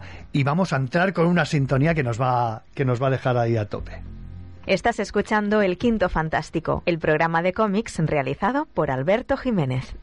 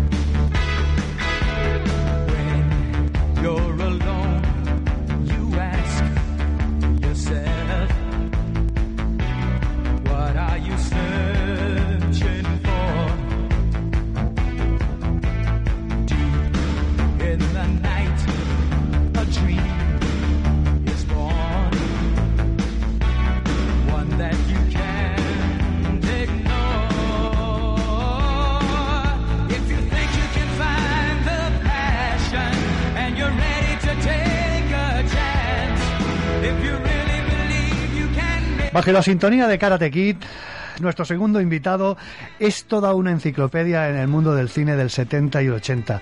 Para ello, su Berkami de la cinepedia de los 70 y la cinepedia de los 80. José María Guerrero, bienvenido al quinto fantástico de Radio Gaba.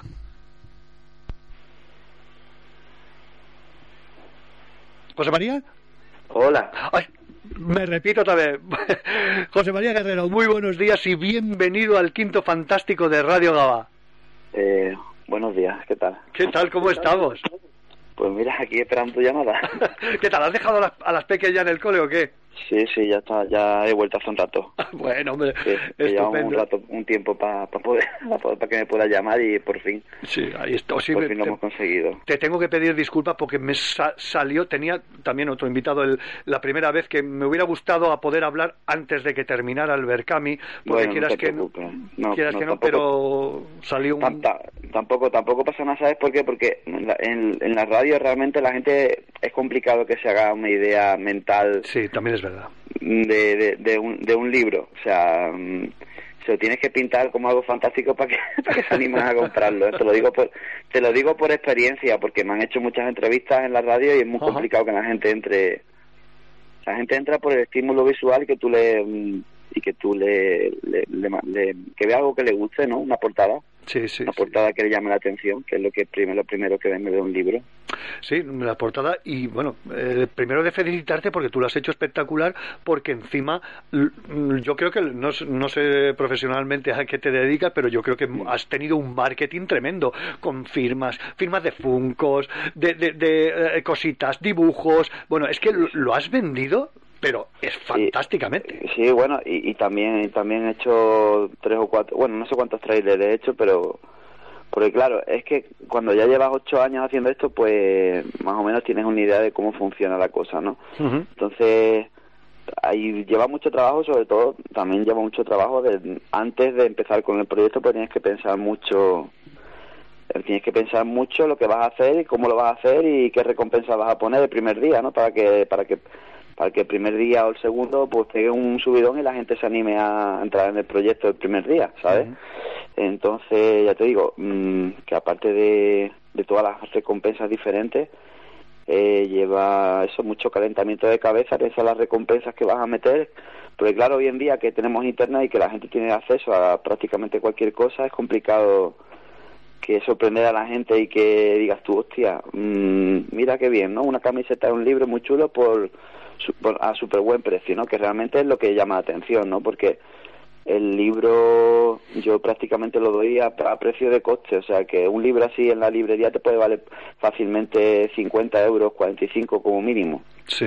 ¿Sabes? Entonces... Yo he de felicitarte sobre todo por el Berkami, bueno, por el Berkami que has hecho y demás, pero eh, eh, tengo, este programa es muy comiquero, y, hay muchos cómics que se han hecho también por Berkam y tal. Y tienes un poquito de confianza, hablas con ellos y lo duro, lo duro que es desde el minuto uno hasta el minuto 90, haciendo un símil futbolístico de, de, este trabajo. Yo me pongo en vuestra piel y... Lo de los cómics es complicado también, ¿eh? Sí. Y, te lo digo porque también he hecho dos, dos documentales de cómics, precisamente. ¿Ostra? Sí, sí, hice dos documentales, uno de Bruguera y otro de, de cómics de los años 70 de, de terror. Y bueno, realmente era sobre los dibujantes que trabajaban para Estados Unidos en, los años 70, que eran principalmente de aquí, de Barcelona. ¡Ostras! No me digas que... Todo, eh, Pepe González, eh, los que trabajaron así, para Vampirella. Claro, toda esta gente de Tutén. Uf, Entonces, entonces es complicado. Y el, el, problema principal que veo yo en España con el tema del cómic es una cosa como que es un mundillo que nos compramos y nos vendemos entre nosotros, ¿sabes? Ese es el principal problema y es, un problema que me han comentado incluso gente gente del propio del propio mundo, ¿no? Dibujantes y eso, o sea que que, el problema es que se ha quedado como una cosa, como un sector ahí residual, ¿no? Eh, no como la no como la industria que era hace 30 o 40 años, ¿no? Bueno, pero en, en realidad un poco pasa un poco en todo el sector editorial, ¿no? Que cada vez se venden menos libros y la gente cada vez usa más las maquinitas, los móviles y, y, el Netflix, ¿no? Entonces pasa un poco así con todo, ¿no? Eso es una asignatura pendiente, no sé de quién, si es de los divulgadores, de, de guionistas y tal, mm, de tirar un poco, tenemos que hacer un poco de cantera, porque eh, nos estamos quedando en el mercado este eh, muy de los que tenemos 35, 40 años para arriba. Ya, es que ese, ese es el problema. Ese es el problema. Pero bueno. Habrá que. Vamos a hacer? A ver. te así. Oye, echándole un vistazo, el, libro viene 400 páginas, fotos, comentarios, secciones, secciones sobre todo muy jugosas para el fan. Cómo se hizo, detrás de las cámaras, qué fue mm. de los actores. ahí, ahí el trabajo de documentación ha tenido que ser, vamos, arduo, tremendo, vaya. Bueno, sí que es verdad que hay algunas películas que son complicadas de encontrar y de encontrar fotografías o información porque en los años 80 y 70 pues había muchos estrenos de, de Europa, ¿no? De, de Rusia, de, de, Francia, de Suecia, de Alemania, que no es como ahora que prácticamente casi todo lo que se estrena es o, español o norteamericano, ¿no? Bueno, te quiero decir, en cine, ¿no? Porque luego sí que es verdad que, por ejemplo, en Netflix sí que hay si compran más producciones internacionales, ¿no? Te, ven, te ponen una serie de Australia o te ponen una serie de Alemania o te ponen una película, yo qué sé, francesa. eh, pero en, en, el, en, los estrenos de cine, que es lo que va en el libro principalmente, en el libro de, de, de Cinepedia de los 70 principalmente lo que van son las películas que se estrenaron en el cine, ¿no? Las más importantes, no todas, porque sería imposible, ¿no? eh, pero bueno, están las más importantes y yo creo que serán unas 1.300, 1.500, ¿no? Dependiendo de, del espacio que me quede, porque son 400, ah, mm, al final he subido el número de páginas a 440, eh, porque se pudo recaudar un poco más de dinero y, aún así me quedo corto con 440 páginas. Mm, si pudiera tener 500 o 550 mejor, ¿sabes? Porque los años 70 hubo mucho, digamos que es lo que más había, ¿no? Eran estrenos cinematográficos, ¿no? Sí. Luego en los 80 hubo estrenos cinematográficos y estrenos en los videoclubs, que se, reeditaron, se, reeditaron muchas películas antiguas y, y había muchas películas de serie B, pues que la editaban directamente en vídeo, ¿no? Y bueno, ya te digo que que va a ser complicado meter tanta película ahí, 400 páginas, que tampoco es mucho espacio. Bueno, Es, que, mm, vamos, es que lo quieres, es muy difícil. A ver, estas dos décadas, estas dos mm. décadas es que tienen una, una cantidad de películas desde eh, la saga de los padri, El Padrino, que si Aliens, que si las de la primera, de, yo pongo la primera, segunda y tercera quizá de Rambo, en fin, mm, y grandes sagas que, que tienen una dedicatoria, necesitan prácticamente un libro entero para ellas. Sí, sí. Bueno, eh, la verdad es que sí que, que hay películas que sí que necesitan unas cuantas de páginas, ¿no? Como tú dices, las películas estas de las grandes sagas del Padrino, de Tiburón, eh, películas como El Exorcista, no sé. Y luego también había mucho, mucho thriller de acción, así.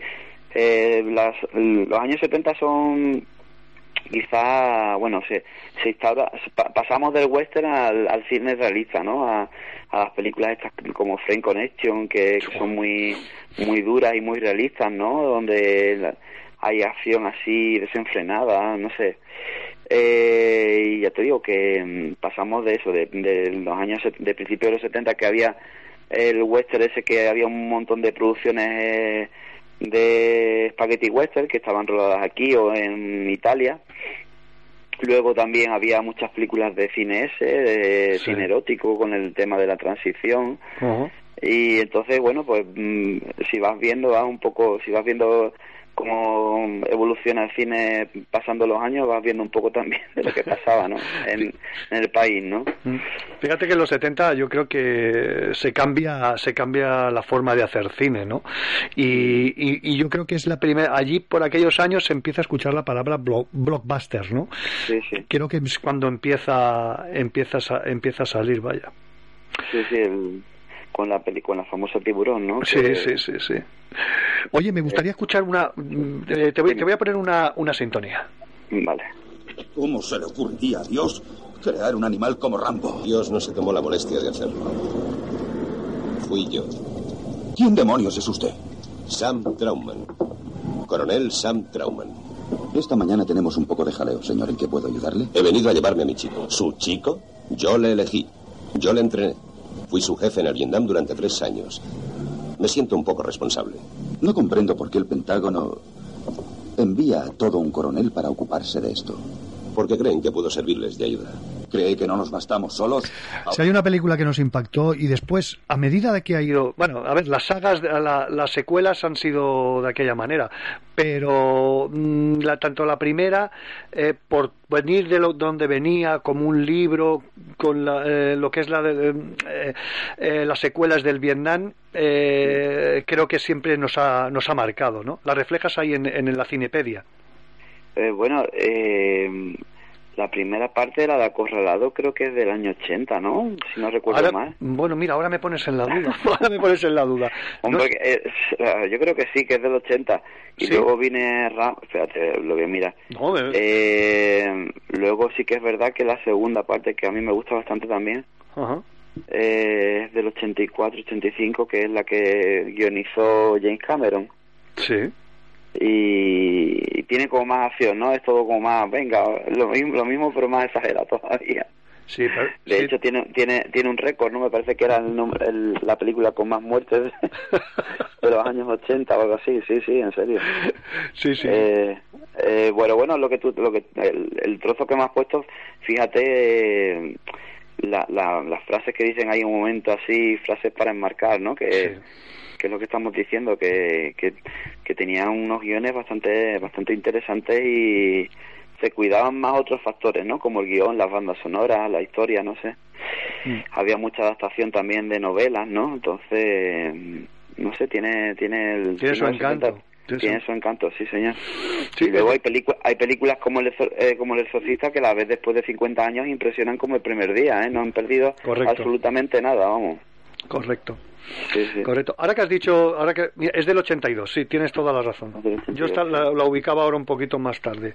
Ahora que has dicho El exorcista, hay, si hay otra otra película que por todo también por a ver, por lo que fue el principio eh, y por todo lo que lo envuelve fue la de Poltergeist, ¿no? toda aquella, aquella especie de maldición entre comillas. No sé si la reflejarás en el libro. Sí, sí. Mm, bueno, yo todas estas películas así famosas, importantes, y le dedico por lo menos un par de páginas a cada una de ellas. ¿eh? Luego también mm, otra de las sagas así importantes de, de los 70 que también protagonizó Sylvester Stallone fue la de Rocky. Sí.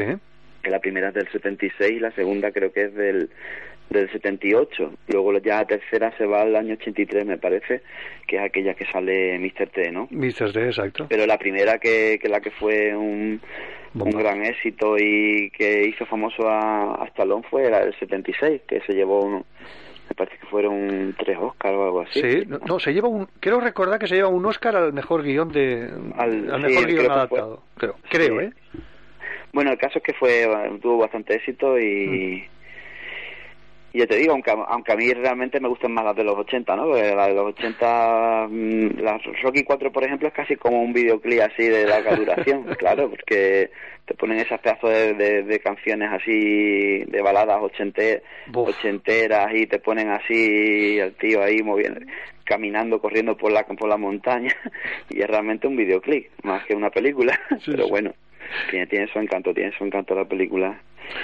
Y dime, dime. No, no, y, el tema el tema fotográfico, eh, me imagino que habría algún, algunas fotos que tendrían derechos y tal. ¿Has, has podido, has podido descargar? Realmente, realmente si tú haces un libro divulgativo, mm, en teoría, o sea, porque mis libros sí que es verdad que los libros que están hechos por crowdfunding eh, mm, van directamente de, de, de mi casa a la casa del mecenas, entonces no son no son productos que se vayan a vender en, en librerías ni en grandes superficies, ¿no? no Y tampoco son productos que tengan grandes tiradas de, de más de mil ejemplares. Entonces, tú imagínate que tuviera que pedir permiso a todas las productoras y distribuidoras de los años 70, sería imposible. Pero que aparte que lo que te comentaba, que eh, es una cosa, el tema de los derechos de la fotografía eh, hombre, claro que me gustaría mm, pedir autorización, pero sería imposible. imposible. Aparte, aparte, yo lo hago el libro con. Yo creo que realmente ganan más el, las productoras con haciendo yo un libro así, porque la gente luego con el con el libro lo que pueden hacer es decir, ostras, esta película me interesa, ¿no? Y se van a buscarla o la intentan conseguir en formatos físicos si, si son coleccionistas, ¿no? eh, entonces casi que es, una, es lo que te decía, es una labor divulgativa. Tampoco yo a ver, eh, luego también, por ejemplo, todos estos libros de, mm, de otras editoriales parecidos, ¿no? De, que, que, sí que se venden en, o sea, en internet, en, en, superficies como la FENA, con librerías, mm, tampoco piden permiso a la hora de, hacer un libro, por ejemplo, yo qué sé, de los Goonies, ¿no? Pues son imágenes extraídas de internet mm, o directamente de la película, porque claro, es que hay veces que no encuentras ni una sola película, tienes que buscar, o sea, no, no te encuentras imágenes de la película en, Google, te, tienes que coger la película en, en Avi y extraer tú los fotogramas de la película. Hay veces que no, no hay otra forma, ¿sabes? Pero bueno, que es lo que te comentaba, que sería imposible que yo pidiese permiso a... Y además seguramente si lo pidiera me dirían directamente que no. Pero sí que es una cosa Hombre, es una cosa que la gente siempre me ha preguntado desde el primer libro, ¿no? Desde los dibujos animados de los 80. Digo, oye, ¿tú has pedido permiso para usar las imágenes? Pues no he pedido permiso, lógicamente, pues porque no, no puedo, sería, sería imposible pedir permiso a 500 distribuidoras de los años 80 de 350 series diferentes, ¿sabes? Sería sería imposible. Aparte que es lo que te comentaba, que los libros se hacen con con una intención divulgativa, no y has llevado... seguramente si vendiera muchos millones de libros y, me hiciera rico, seguramente sí que se molestarían en, denunciarme o decir, oye, ¿tú por qué has usado esto? no Te quiero decir que, que esto funciona así, ¿sabes? Que Sí, sí, en cuanto ven, en cuanto ven algo de jugo, de royalties, ya dicen, oye, este está sacando muchos royalties, vamos para allá. Claro. Sí, sí, sí. Oye, ¿y no, has, llevado alguna vez eh, uno de estos proyectos? Los, lo, ¿Te se lo has propuesto a alguna editorial? Dice, oye, esto tal, no sé. Bueno, el problema, de el problema del sector editorial, lo que te comentaba antes, que y, creo que también están haciendo un poco de, crítica ¿no? en el sector del cómic, porque, claro, es complicado que la gente se pueda ganar la vida haciendo un cómic y recibiendo un 10% de, la, de las ventas, ¿no? Porque es que realmente luego son gente que se tiran seis meses haciendo el cómic, haciendo el dibujo, entintando, no sé, dándole color, ¿no? guionizando, se tiran seis meses y luego, claro, mm, el que más se lleva luego es el intermediario, entonces mm, la editorial se lleva un 40%, el que lo vende el libro se lleva un 60% y el, y el autor o el escritor se lleva un 10%, entonces claro, mm, es complicado que una editorial me, diga a mí, oye, te quiero reeditar el libro y voy a hacer una gran tirada.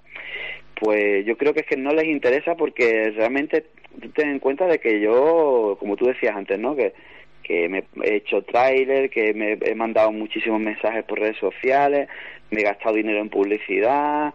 Mm. Eh, entonces, mm, que tú muevas el libro por redes sociales, que, que, esas publicaciones las ven muchísimas personas y que solamente entren 500 o 600, que bueno, puede ser un éxito entre comillas, ¿no? Pero realmente no son tantas personas para toda la gente que ha visto el proyecto, ¿sabes? Entonces, mm. ¿cuál es el público potencial de, de, de, un libro como este, no? Pues pueden ser, yo que sé, 4.000, 5.000 personas en un país de 40 millones de, personas, ¿no? Entonces, claro, no sé yo si en editorial realmente le es rentable editar un libro así, ¿no? Porque es un libro también que es, que es caro de, imprimir, o sea, que estamos hablando de que imprimir un libro así, una tirada de 500 o 1.000 ejemplares son de, de 14.000 o 15.000 euros para arriba, ¿sabes? Entonces, claro, no no creo que les traiga mucha cuenta el ofrecerme a mí eso, ¿sabes? Que yo que yo les diga, sí, sí, estupendo, tú reeditas el libro y yo me quedo con un 10% de, de la ganancia. Porque luego tampoco te pagan en el momento, sino que te pagan al cabo de un par de años, ¿sabes? Entonces, yo creo que, que para la gente que hace Berkamis y todo esto, lo más rentable es realmente autogestionarlo tú mismo, ¿no? Sí, sí, porque realmente eso hoy, hoy en día también hay muchas posibilidades de vender los ejemplares que te sobran por internet no o sea mm, puedes venderlo por Amazon o por o por tu propia página web no entonces no, no sé, no, no lo veo yo muy rentable lo de, lo de las editoriales. ¿eh? Ya, ya, ya, no sé, claro, eh, ahí soy, es, es un poco vosotros eh, los que creáis el producto para, para saberlo. ¿no? Claro, es que lo que te comentaba, que que lleva muchos meses de trabajo detrás y, y claro, a mí me gustaría ver el libro en el corte inglés, ahí que la gente lo comprase, se viera un paseo y lo comprara, ¿no?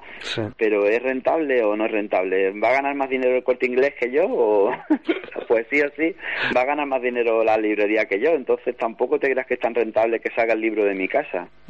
Quizás si me sobran algunos, pues mejor dejarlo para el próximo crowdfunding o o directamente venderlo yo por internet, ¿sabes? Por eso te comentaba que no. ¿Te han sobrado? ¿Tienes eh, el, lector que quiera comprarlo? ¿Tienes para ponerlos a la venta?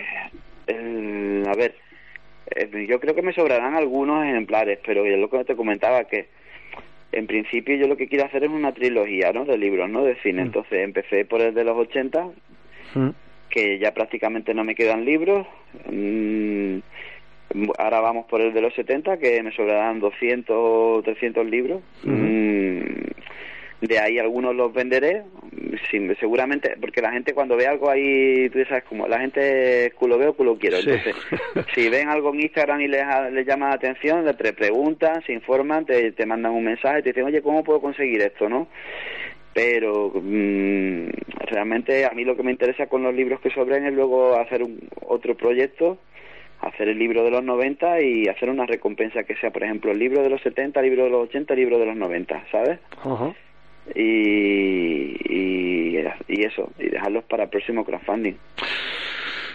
Pues me parece, me parece, me parece una idea, me parece una idea estupenda. Este, sí, más que nada porque es lo que te comentaba, que hay mucha gente que yo, yo me he tirado un mes o dos meses aquí dando la tabla por redes sociales, pero hay gente que no se entera, no se entera pues, porque da la casualidad de que no se han metido en internet esa, en esa fecha, o porque luego se enteran al cabo de un tiempo, o porque ven la publicación al cabo de medio año, no sé. El caso es que, y luego también hay, eh, bueno, problema de hacer un libro pro crowdfunding también así de manera independiente es que tampoco cuentas con muchos apoyos eh, editoriales, ¿no? De publicidad, que no hay medios de comunicación que se hagan eco de la noticia, ¿no? Por ejemplo, mmm, yo qué sé, un fotograma, una revista fotogramas, por ejemplo, que tuviera una sección de mm, crowdfunding dedicado al cine, ¿sabes? Entonces eso, eso ayudaría, pero es que realmente no, no no te ayuda a nadie. O sea, te ayuda a la gente en redes sociales que te dice, venga, voy a, voy a retuitear, voy a compartir el proyecto en mi perfil, ¿no? Y así es como como se va dando a conocer el, proyecto no y la gente participa qué pena porque eso ha pasado como bien dices tú eso ha pasado un poco a la historia y cuando alguien pues hace un trabajo yo creo que al menos la gente del mundo del cine tendría que tendría que hacer no te digo que te tenga que estar apoyando económicamente pero pero apoyarte un poco con una pequeña con una pequeña reseña. Oye pues José María pero, pero, yo, te, yo, te, comento que yo por ejemplo en, en, Twitter por ejemplo muchas veces manda un, un, Twitter sabes que en Twitter se puede mandar un mensaje directo o se puede mm. retuitear a la gente puedes hacer un tweet nombrando a la persona que sea esa persona se, se, se da cuenta o se o, o lee el mensaje y luego tiene la posibilidad de compartir el proyecto en su perfil, ¿no? Entonces yo, por ejemplo, recuerdo en este crowdfunding que hay, um, eh, yo no sé cuántos mensajes habrán mandado por Twitter, pero muchos, ¿no? Entonces, eh, por ejemplo, un director como Jaume Balagueró, si te lo retuitea el proyecto, pues claro, lo ven a lo mejor, mm, si tiene 50.000 seguidores, pues lo ven a lo mejor 500 personas o 1.000, ¿sabes? Entonces, claro, de esas 500 o 1000 personas que ven el, proyecto retuiteado, pues a uno entrará seguramente. Pero es complicado, ya te digo, que yo, por ejemplo, le he mandado tweets a, gente del, mundo, no sé, se me ocurre a de la Iglesia o Santiago Segura, o gente así con muchos seguidores y directamente es que ni se molestan en contestarte, ni retuitean, ni nada. Mm, no sé si por egoísmo o porque cada uno va a lo suyo, ¿sabes? Entonces, es que en este mundo, en este mundo como en otros mundos del, del cómico, de otros tipos de, de industria, ¿no? Pues claro, el tener amigos pues también cuenta, ¿no? Entonces, claro, si no tienes amigos en en las editoriales o en los grandes medios de comunicación es complicado que la gente se entere de un proyecto así, ¿sabes? Si te sirve de consuelo, yo muchas veces, mira, bueno, muchas veces no, eh, ahora llevamos cuatro semanas haciendo un programa eh, especial, mm. eh, la primera media hora la dedicamos, ya que se celebran 40 años de cómic, la, dedicamos al Salón del Cómic de Barcelona y tal. Yo siempre pongo con acuse, tanto en Twitter, Facebook y Instagram, pongo acuse del Salón del Cómic de Barcelona ni han, ni han dado un siquiera un me gusta. Y es, y es simplemente que hago una historia, eh, hago historia de lo que es el salón del cómic, desde, el principio del, mundo el mundo del cómic es un mundo también complicado y y yo te lo, te lo digo ya porque he tenido las experiencias malas y buenas y sobre todo malas experiencias con yo pensando digo hostia a veces un documental de, de Bruguera a veces supongo que a la gente actúa, o sea, yo por ejemplo si fuera dibujante de cómics, claro, yo vengo de, de Bruguera porque son los cómics que hemos que hemos leído con los que nos hemos con los que hemos crecido en los años 70 y 80, ¿no? Entonces hay mucho autor, hay mucho autor importante de actual, ¿no? Que, que bueno, pues que se lo debe todo o que se ha criado con eso, ¿no? Y son admiradores de esa de esa época y de y de muchos autores de esa época y ya te digo, yo he hablado con ellos directamente, he dicho, oye, quiero quiero que me hagas un dibujo para, para hacer el crowdfunding y directamente me han dicho que no tenían tiempo o que no les interesaba. Entonces, claro, mm, si vivimos en un mundo que cada cual mira para lo suyo y no colaboramos con los demás, pues es que y ese, ese es un mal endémico del, del, mundo del cómic de, de, España, ¿eh? que cada cual va a lo suyo, muchos dibujantes trabajan para Estados Unidos o para Francia y, están encerrados en su mundo y claro, y cada cual va a lo suyo, ¿sabes? Entonces... Me suena tanto, me veo tan reflejado en estas cosas que me dices. No, claro, es que, y es que luego, es que luego me da, me da rabia, ¿no? Pero te digo que que yo he tenido acceso a gente importante, o sea, gente importante eh, que le pides un favor y te dicen directamente que no tienen tiempo o que no les da la gana. Entonces, claro, me da, te da coraje y te dices tú, jamás en la vida voy a hacer nada de cómic, ¿sabes? Me encantaría hacer más proyectos de cómic o, o un documental de tal y es que no, porque es que el mundo del cómic es un mundo muy egoísta, muy y muy fullero. De hecho, ayer o antes de ayer también hubo un problema por ahí en TV Ofera, hubo alguna polémica o algo, ¿sabes? Entonces, ah, sí. pues sí, lo miraré a ver a ver qué ha pasado.